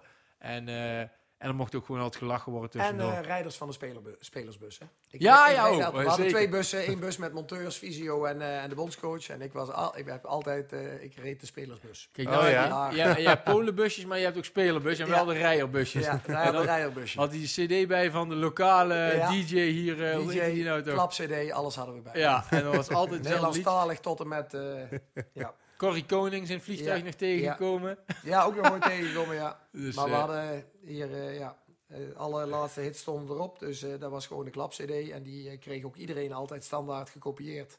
Stage. Uiteraard, En die zoals kon- dat ging in die eh, tijd. nee, daar mij vergeten, want ik heb het nooit gedaan. Iedereen eh, kon die van buiten. En dat was echt, ja, dat hebben we een mooie tijd gehad. Maar daardoor, eh, ja, was ik vaak kort bij die rijders. En eh, met, met dingen... Maar het, het grote verschil waar ik merk, of ja, verschil, hij stond er gewoon altijd heel nuchter in. Hij zag gewoon wat er mogelijk was. En ook vaak, we hebben het nou ooit nog heel vaak over, eh, gewoon de details, zeg maar, waar je het over heeft. Van zeggen, van, Hmm. ja, dit doe je goed, dit doe je goed. En dan kijk je er ooit zelf heel anders naar. En dan krijg je misschien ooit veel meer vertrouwen van, hé, hey, wat ik doe is helemaal nog niet zo slecht. Of, hé, hey, ik doe het eigenlijk best wel goed. En ehm, dus ook stiekem misschien ook een beetje het mentale en het gevoel geven dat je het ook niet voor niks doet. Ehm, ja, en ik denk dat dat stiekem wel altijd de combinatie was van vooral op techniek zitten. En dan altijd, s'avonds was het altijd even bespreking van de dag, hoe het was geweest. Eh, en, ook, en vooral met de het lach ook erbij. Hè? Ja, dan was het, dan- maar dan was het ook klaar. Hè? Dan Ja. eh, hebben we dat gedeelte gehad. We hebben gedaan wat we moesten doen. En dan is het gewoon even, eh, even ja, andere dingen. Maar wel op een, op een gezellige manier. Hè? Dus eh, dat wel de cross. Het gaat altijd over de cross. Dat gaat het nu nog. Dus, eh, dat is altijd zo geweest. Maar ja, ik denk wel dat je de- dus de, de fun ervan inzien. En waar je voor werkt en wat Ja. je doet. Hè? De, de, cross. eh, en dat is nu ook weer met de jongens waar ik nu mee werk. Hè, dat is iets meer hobbymatig, maar vooral het, eh, het plezierige en het leuke. Hè, en, eh, en zelf ze overtuigen van dat ze iets kunnen. En, Ja. en, en de dingen die ze goed doen, aanstippen. Het schijnt zo te zijn dat trainers altijd alleen maar dingen zeggen die niet goed gaan. ja, maar ze doen toch ook dingen goed, anders zijn ze je niet. Nee, zo. Ik Ja, heb zelfs ooit de bondscoaches op zijn schouder geklopt en gezegd... ja, maar luister eens, we zijn hier met de beste rijders van Nederland. Ze doen ook wel iets goed, Ik heb, ze het, niet. ik heb het idee dat je als bondscoach van de, de, het Nations team nooit heel veel, ja, in deze jaren zeker niet, nooit heel veel hoeft uit te leggen. nee, maar Aan, die rijders, zeg nee, maar. die komen uit een seizoen, die zijn kant-en-klaar. Als je, Ja. als je ziet, eh, hè, en ook, eh, ik heb dan heel veel eh, in een assistentenrol eigenlijk, die al die nations gedraaid. Er waren er volgens mij een stuk of zes. En eh, ja, dat, dat is gewoon heel prettig met die rijders. Eh, die hebben dat, dat jaar meer Grand Prix gezien als ik. Hè, die Ja, zijn er allemaal geweest. En ik eh, kom voor die wedstrijd, dat doe je eens mee begeleiden. En dat doe je dan op een manier dat eh, je wilt die ploeg zo duidelijk mogelijk aan die start hebben. En eh, hun weten echt wel hoe ze het moeten doen. Ja, die Maar, je niet eh, met te leren crossen. maar dan namen ze mij de baan mee rond. Dus dat was ook wel eens leuk. Ja, Ja, maar ik denk als je dan als bondscoach, of in ieder geval als motocross natiescoach dan, dan ben je er meer om te zeggen van, hey, eh, wat je gezien hebt bij de minds van tevoren. Van, hey, kijk even daar in de sighting lab. Of eh, pak die lijn en we staan met deze punten. Het is meer voor, voor de rust te creëren, zeg maar. Kijk, Ja. ja, Carlo hoeft niet meer 's morgens aan Jeffrey of Glenn uit te leggen van... eh één is naar beneden en de rest omhoog. Ja, crossen kunnen ze al. Ja. Zeker als ze uit het seizoen komen. Maar het is meer, denk ik... ja, ook de band, hè, de band met de monteurs hè, was heel goed. En eh, daar, daar spreek je dan vaak mee, want je wil die rijders toch de, ook de, de wedstrijd laten beleven. Hè, zo Ja, nations, ja. zoals ze gewend zijn om een wedstrijd te benaderen. En, Je te, hebt een hele andere dynamiek, dynamiek natuurlijk. Tuurlijk. team en dat. en dan, eh, ja. ja. en het is allemaal een beetje in het oranje en dat geeft toch wel een bepaald effect. En dan eh, zo'n wedstrijd, ja, het volk, de sfeer, de, de- ja, dat is iets heel bijzonders voor Nations. En dan met die monteurs werk je prettig samen. En die hebben het hele jaar ook al met die rijders gewerkt. Hè? Dus je ziet, dat is een geoliede machine. Daar hoef je niet tussen te Daar gaan hoef jij niet, nee, daar, hoef je, Nee. daar- daar, daar verbeter jij niet even na 20 Grand Prix. van, eh, da- jongens, dan gaan we eens even zo doen. Nee. En eh, je merkt gewoon, eh, en daarom wil je ook ja, gewoon ten dienste van de ploeg opstellen dat, dat het geolied loopt en dat er geen stress is over rare dingen. En dat je zegt van nou, de crossen de kennen ze allemaal wel en hun weten wel. Nou, dan zie je dat zo'n team eigenlijk eh samengroeit, wat in de Ja. cross al heel moeilijk is. Ja, Want het is vaak... het is een- eilandjeswerk. ja, het is eilandjeswerk. Ja. En dan is dat wel heel leuk dat het dan oranje is en je bent een keer samen. En ja, die resultaten die we gehaald hebben, ja, dat was natuurlijk geweldig. Hè, dat je eigenlijk jaren hebt lopen harken. En ja, in Lommel kwamen we dan in de buurt. Maar daarna hebben we een paar zware jaren gehad. En dan kom je zo vanaf Majora en dan Engeland. Ja, dan natuurlijk Amerika en dan natuurlijk Assen. Maar goed, daar, daar was ik er niet meer bij. Maar daar, eh, daar was ik er wel bij. Maar eh, daar zat ik aan de Als, andere kant van de ja, tribune. ja. Maar ja, de- geweldig. Dat de Nederlanders eh, dus op het hoogste niveau en eh, ook het teamwork dan en eh, de rijders, hè, hoe ze ervoor gaan. Hè. Dat is zo- Mm. hè, Zo'n zo'n Bogers ook, hè, want die moest dan ook een paar keer een moeilijke rol invullen in de Ja, andere jaren ja. met een zware motor. Terwijl dat toen nog niet helemaal zijn vak was. Nee, ja. Hè. En, eh, en Glenn dan eh, toen op die 2,5 daar ook tegen Searle in Estland reed, eh, of in eh, Letland reed je heel goed. Ja. En, eh, maar dan komen ze daar en dan opeens eh, hè, met een Jeffrey erbij daar in Majora en eh, met een Glenn. En eh, ja, ze waren echt geweldig. Tot de laatste ronde zouden ze hem daar gewonnen Geweldig hebben, hè, gedaagd. Major? En ook eh, Bogers, hè, die vocht er ook als een leeuw hoor. Ik denk dat we daar nog een hele aflevering over kunnen vullen, over de, de motocross Ja. Want we hebben het eigenlijk nog helemaal niet over gehad, maar eh, dat gaan we lekker een andere keer doen, denk Ja. ik. ja, dit was hem voor deze aflevering. Ik wil in ieder geval Lars jou bedanken. En ook eh, Carlo dat we hier mochten zijn. Ik eh, hoop dat Geen jullie het eh, net zo leuk vonden als ik. En dat we misschien nog een volgende keer terugkomen. Ehm, ja, ik hoop ook dat de luisteraar genoten heeft van deze aflevering. De volgende kun je in ieder geval verwachten ergens na de GP van Groot-Brittannië. Mocht je de volgende afleveringen niet willen missen, volg ons dan via Facebook, Twitter of Instagram en via je favoriete podcast app zoals Spotify en Apple Music. Tot de volgende keer.